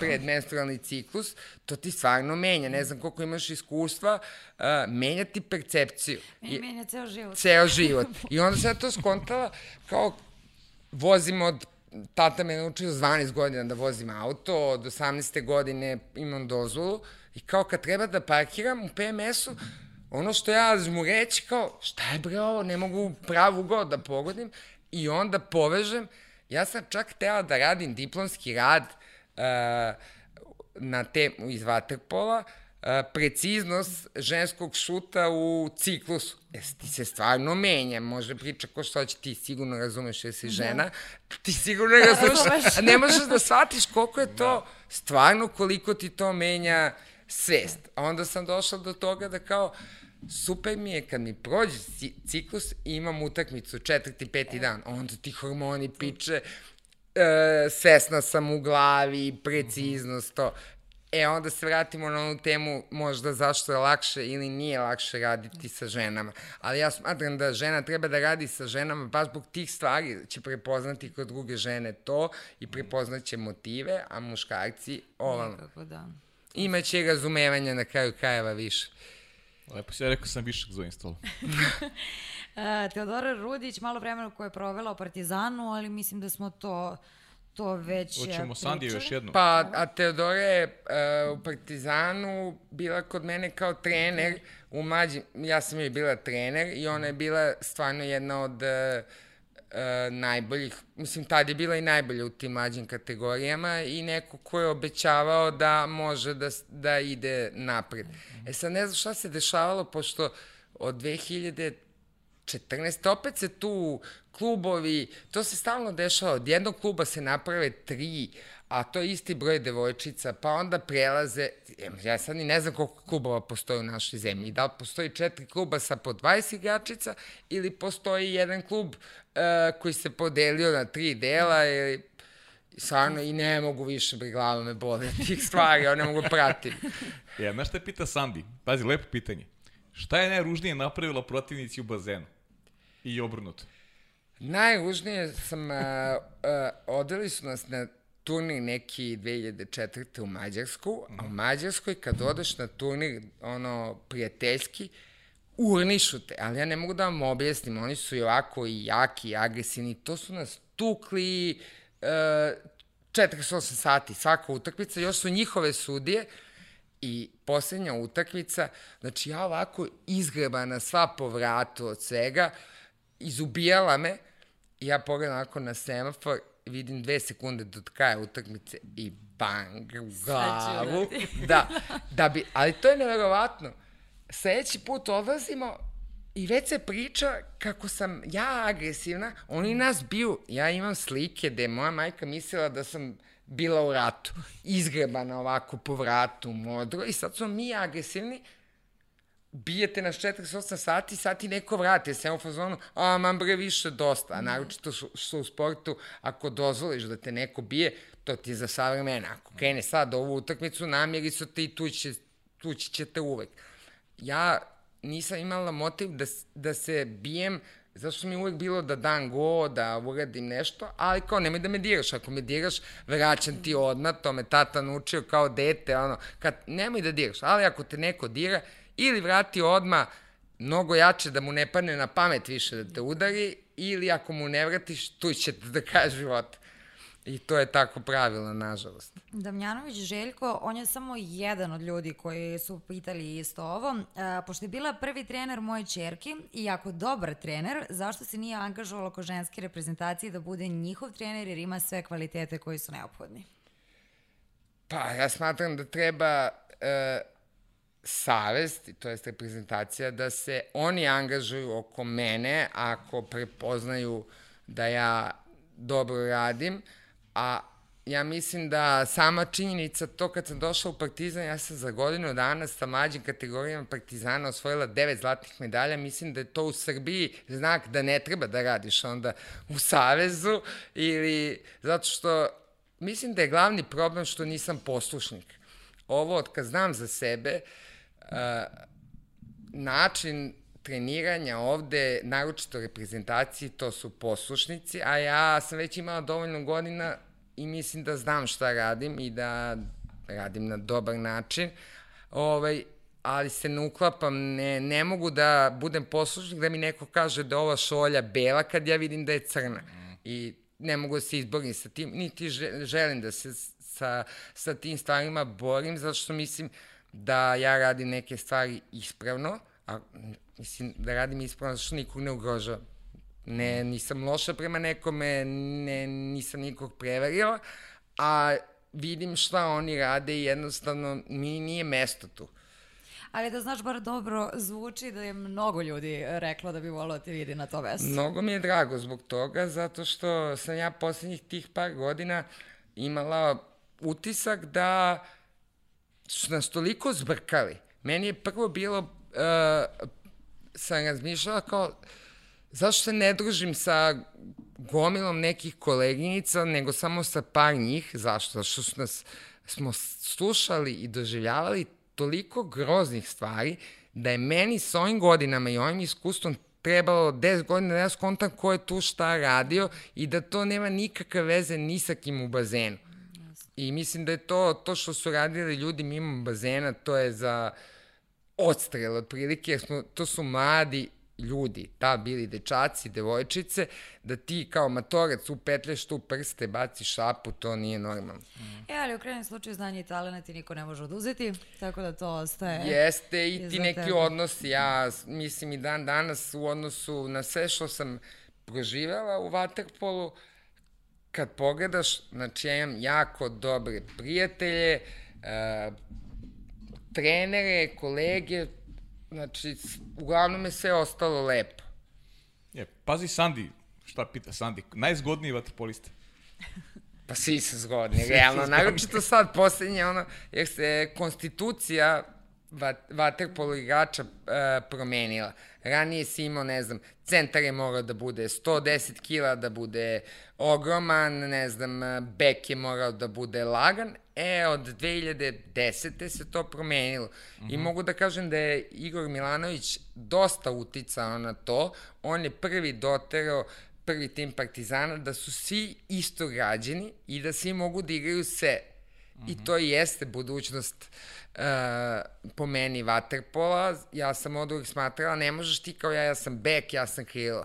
Znači, mora svako da zna sve i da se menjaju pozicije, jer to je 12 igrača, šesti u vodi stalno i ne možeš ti da imaš jedno koji zna od tih šest samo jednu poziciju, nego, e, samim tim je građa uh, postala drugačija i svi su zgodni. Ali... Uh -huh. uh, najbolje devojke iz regiona sa kojima si igrala? Najbolje? Pa ja ne znam, ja sam igrala samo početak te regionalne lige, jednu sezonu kad sam igrala u Partizanu i tad sam već bila dovoljno dugo u tom vaterpolu nisam mogla, sve su mi bile super, jer sam mhm. starija i nisam ni ulazila ni u kakve sukobe, ni sa kim. Bilo mi je, više sam bila srećna što se igra regionalna liga, što smo otišli u Split, e, što dolaze kod nas, nego što kao najbolja ekipa. Verujete da, evo sad se setila, uh, najveći utisak ljudi, sportista su mi ostavile šveđanke. Mi smo dve, 96. bili na tom evropskom B, prvo naš, prvi naš izlazak, i one su bile treće, valjda. Uveče u istom hotelu, proslava, kao ono, slavimo što smo prve, one su sve vreme bile tu sa nama, zezale se, razmenile uh, ono majice, trenerke i o, evo ti koliko je prošlo 30 godina, meni je 20 godina ostalo to u sećanju da su to e, osobe koje su došle da treniraju vaterpolo zato što ga vole, doživljavaju turnire, utakmice kao mesto za druženje i, i vo, žao mi je što nema tog, toga mnogo više. Ja, kad si pomenula Šveđanke, a, omiljena destinacija gde si bila? S vaterpolom ili... S vaterpolom. Pa si rekla pa sam dosta... mnogo ste proputovali. Pa jesmo, pa ja sam zbog vaterpola bila, ne znam, i u tom Lisabonu 96. i u Sevilji, i u Parizu, u Češka, nju smo ono, Plzen, Prag, Slovačka se obišle, ali da kažem ipak u Lisabonu smo bile dve nedelje i u Sevilji smo bile dve nedelje. Ovaj, i Waterpolo mi je to pružio i pružio mi je, a to je opet zasluga ovog trenera iz Bečaja. Kad, smo, kad sam igrala u Bečaju, on je mene i još jednu moju koleginicu pozajmio jednom Waterpolo klubu e, mađarskom, pa smo mi igrale sa njima mađarsku ligu, neku juniorsku. I to je stvarno uh, mnogo značilo za mene kao igrača da igram prvenstvo, da igram sa devet različitih ekipa, u, mislim, vozili su nas ono na utakmice, ili odemo ekipno nešto, pa odigramo i to je stvarno bilo fenomenalno. Mm. Imaš ti? Ne, imam, imam ja. Ja Ajde, imam, ajde. imamo Djelinu Stjanović, ono, još jedne naše uh, verne saradnice, pa ću, pošto se mnoga pitanja poklapaju, uh, pomenut ću dva mišljenje o reprezentativkama Jeleni Vuković, Teodori Rudić i Lari Luka. E, ovu treću de, devojku znam samo iz priča i sećam se kao iz, kad sam bila trener mlađim kategorijama, nisam je gledala dalje. Uh, Jelena Vuković mi je bila, recimo, ona mi je prva vaterpoliskinja koja mi se, koja se pojavila, da kažem, posle mene, u kojoj sam videla budućnost. I koliko, dok sam pratila ono vaterpolo, vidim da ide tim nekim putem i mislim da je uh, da može da bude odličan igrač, ali da, je, da ima problem zato što je uh, došla iz grada gde je muški vaterpolo uvek bio uh, in, iz Kotora i nikad nije, to, to, za neki način, to im, ja smatram da i meni to bio jedini ono uh, nedostatak u karijeri. Nikad nisam igrala u ekipi baš, baš dobro, gde će biti neko ko, koga ću ja moći da ispratim ili ko će mene moći da isprati u svemu tome, zato što sam ja jednostavno ovde trenirala kao da sam profesionalac, a to u ekipnom sportu, pardon, ne prolazi zato što mora 15 igrača da trenira, a ne znači ako nas 5 dolazi na trening, a 10 ne dolazi. I onda mislim da je njoj, da za njenu karijeru je najbitnije da nađe klub gde će moći da nađe još 10 Jeleni Vuković, jer stvarno je, ima taj, ja bar kad sam je gledala, ja prepoznam taj neki šlif. Uh, nije učila vaterpolo, vaterpolo je ona u njoj je nekako, mm -hmm. da se nagradala kao klinka, ali vidiš da je lopta nije strana, potezi su, njoj nisu strani i recimo, žao mi je što uh, se naše karijere nisu krstile bar dve, tri godine, zato što mislim da bi jako dobro sarađivale kao igračice, sad ne znam, da li ona deli to mišljenje, ali ja delim zašto tačno po potezima, on, i način na koji razmišlja kada je u bazenu je jako sličan mome i to, to može da bude jako dobro. A za Teodoru sam rekla... Rekla si, da. Da, da. Imaš pa još? E, imam, imam ovaj, pričali smo i pre emisije, dakle, evo i Radnješ iz priča? da, Radnješ iz Kragovac takođe u subotu e, kreću prve eto devojčice da treniraju u tom klubu, a Jelena te pita e, kakva su očekivanja tvoja od nove uprave Partizana u vezi ponovnog uspostavljanja ženskog tima u budućnosti? A, sad ću opet ispast, ispasti neobaveštena, kokošlunica otprilike, jer ja ne znam ko je nova uprava Partizana. Da, pa, Ne znam, ko, uh, ko se... ajde da ne pričamo sad o tome, E, možemo eto posle... Ovaj, Okej, ja poslednje što sam videla i to slučajno preko ovih nekih YouTube kanala koje, koje pratim, da je Šefik bio direktor. Da, šef je bio, to je, to je, to Nije je ni bio, on Da, sad. nije, to je, Aha. sada, sada je, sada je direktor je Nikola Kuljač. Aha, ne ne e, bez mišljenja. Da, da. To. da. Pošto nisi u toku, pa... Pa ne, dobro. da, nemam pojma, ono. Da. Ajmo onda dalje. Omiljena pesma, omiljena pozorišna predstava. U, za pesmu naročito, ovaj, ja sam neko ko ima hiljadu omiljenih pesama, hiljadu omiljenih filmova, scena, ali ajde da kažem, pa ima od jednog DJ-a, Guy J se zove, Lost and Found pesma, meni je ta pesma, to sam skontala recimo pre dve godine, jeste mi ona kao među tri ili pet, ali ta pesma kad god je pustim, uvek ima isti rad kod mene i uvek isto utiče, a redko koja pesma može da me dovede na taj nivo unutrašnjeg stanja uh, da se ja osjećam lepo, da se ja osjećam motivisano, da ja se ja osjećam srećno, pa bi je možda izdvojila. A pozorišne predstave milion ih ima, jako dobrih, ali ajde da kažem da mi je jedna od uh, dražih, znači sve predstave Nikite Milivojevića koje je režirao u Narodnom pozorištu, od Život i san, San letnje noći, Maska, to su, to su predstave koje i dan danas niko nije uspeo, naravno, to je moje mišljenje, da Šekspira prebaci u, u ovo sadašnje vreme na takav jedan način. Nikita jednostavno to radi, on izrežira predstavu i kao da ima neki e, čarovni prah samo baci na predstavu i ona dobije to nešto čarovno i to su predivne predstave. Ima, evo, i Mileva Einstein mi je ostavila veliki utisak i Einsteinovi snovi mi se jako svidela predstava, to je igrala moja kolegi, koleginica i prijateljica Marija Vicković i Mićanović. Ja volim te, meni je pozorište u mojoj glavi mora da bude čarobno nekako. I te predstave su mi uvek nekako draže, te koji mi... A Šekspir je sam po, jeste, a Šekspir je sam po sebi neka magija. magija. Ne bih više da vam se mešam u ove vaše Dobro. priče škorpijske. Imam još uh, životni sportski moto. Pa to ću posle emisije, ne, Aha, da, da, da, to ne može u etar. Da. I, uh, Ali mogu, mogu drugi deo da vam kažem. Kad plivam, plivam. To je to. plivam, plivam. Ne meša se, ovamo se pliva, ovamo nešto drugo, to se ne meša. Dobro. E, pa stvarno mislim da smo manje više sve prošli, jer dosta pitanja smo i mi postavili. Yes. Imamo ja sad kad vidim koliko je sati, znači da. previše. Pa ne, ali ti si zahvalan sagovornik, zaista. Mislim, nekad tebi ništa ja sam mislila da ćeš reći, aj ti si ubila da, sa ne, šta. Ne, ne, super si, da sad tebi ne trebaju ni pitanja, ono, baš si, baš si bila super, tako da... Znaš šta bi ja jedina? Kafa je presudila, zato što, kafa da, zato što je pa, to da. da taj neki vakum, ono, da, da, da, da dođemo u istu da frekvenciju, pa, pa da, da, i sa vama i sa prostorom. E, jedino što bih se ja pitala, pošto eto, stvarno vaterpolo kod žena je mnogo manje zastupnio, šta je preporučila mladim devojčicama, to je s malim devojčicama koje sad kreću? Pa ne znaš, ovo mi je baš teško pitanje. Mm.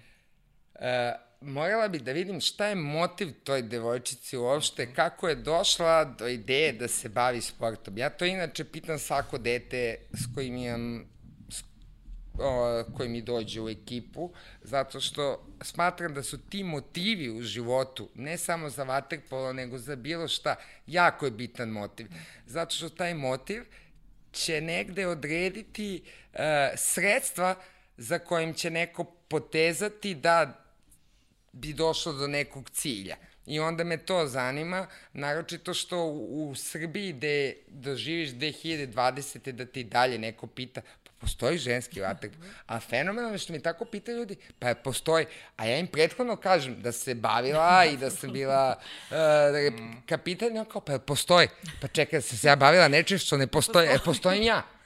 Možda ni ja ne postojim, a mislim da postojim. Pa da. Eto, ja ti da neću više postaviti teška pitanja, nego ću ti postaviti jedno lako. Tvoja su mi laka. Pavlova su mi teška. teška, da. Ima ih puno. Jest. Na početku sam te pitala kako ti se čini studija, evo sad te pitam kako ti se čini intervju.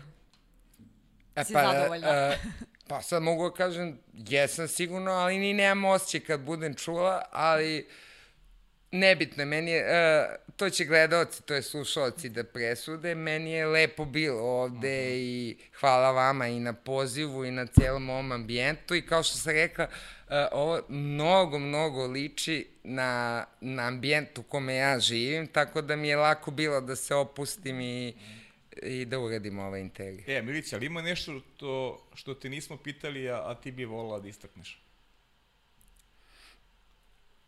Pa ne, u principu ja bi možda, evo, ne bi volala da nekog propustim, uh mhm. -huh. da ga ne pomenem, a treba da ga pomenem, ali manje više e, svi ti ljudi koji su ostavili neki trag e, na mene, u Waterpolu sam ih i pomenuo.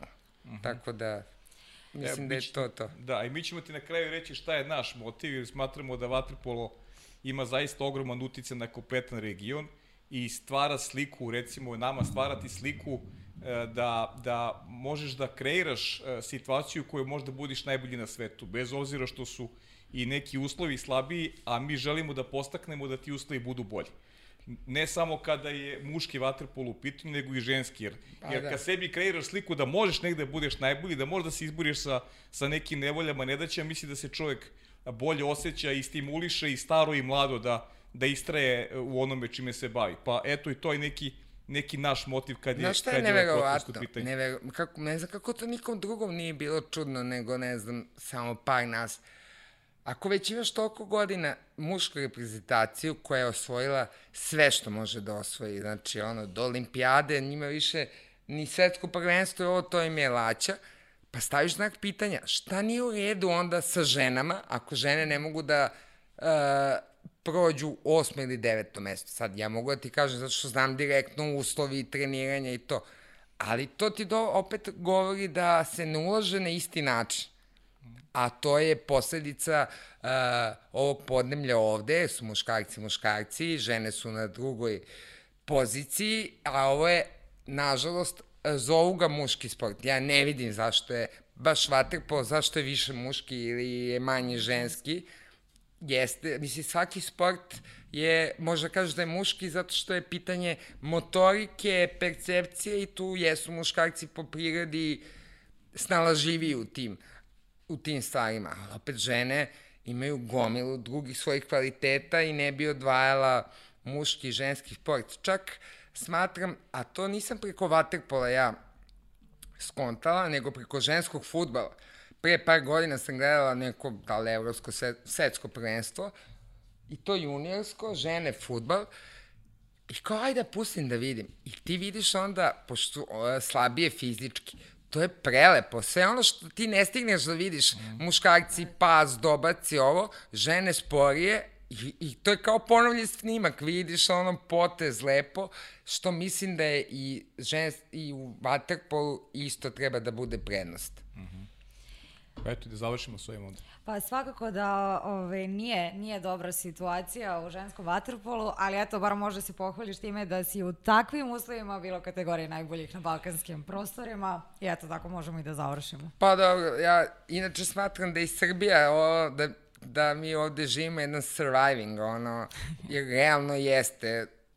Mi moramo svakodnevno, svako jutro da se, uh, da ti kroz mozak prolaze stvari da preživiš, a ne da živiš život. I onda i ovo kako je bilo u sportu, u vaterpolu ne čudi. Kad nam bude svima bolje kako zemlji, kako svakom pojedincu, ja verujem da će biti i vaterpolu bolje, zato što uh, ohrabruje me ove mlade generacije od 2000-te na ovom drugačije razmišljaju mm. I, i verujem da, da će one uspeti da se izbore za ono što smo mi ipak došli iz nekog vremena deve, kraja 90-ih, drugi način vaspitanja, drugi motivi, da će one uspeti ono što mi nismo. I želim puno sreće u tome. I mi im želimo. Pa evo, ne najavljamo naravno gosta. Pa nećemo da najavljamo ništa, čekamo neki ljudi, ali reći čekamo Dragana Jovanovića, čekamo Daču i Kudinovića, treba da potvrde. Pa samo neka oni prate naše Instagram profile, tako, šalju pitanja, tako ja, predloge. A Milica će da nam ovaj spoji da, da napravimo, eto, prvi put da imamo dve gošće, bilo bi lepo mamu i čerku igru i vaterpolo. Eto, ja onda... mislim da bi bilo fenomenalno. Da, nadam se. I nadam se da ćemo to i ostvariti. Eto šta drugo da vam kažem, nadam se da ste uživali u intervju sa Milicom Perovski, pratite naše profile i čekajte sledećeg gosta. Hvala vam na pažnji i prijetno. Hvala i vam.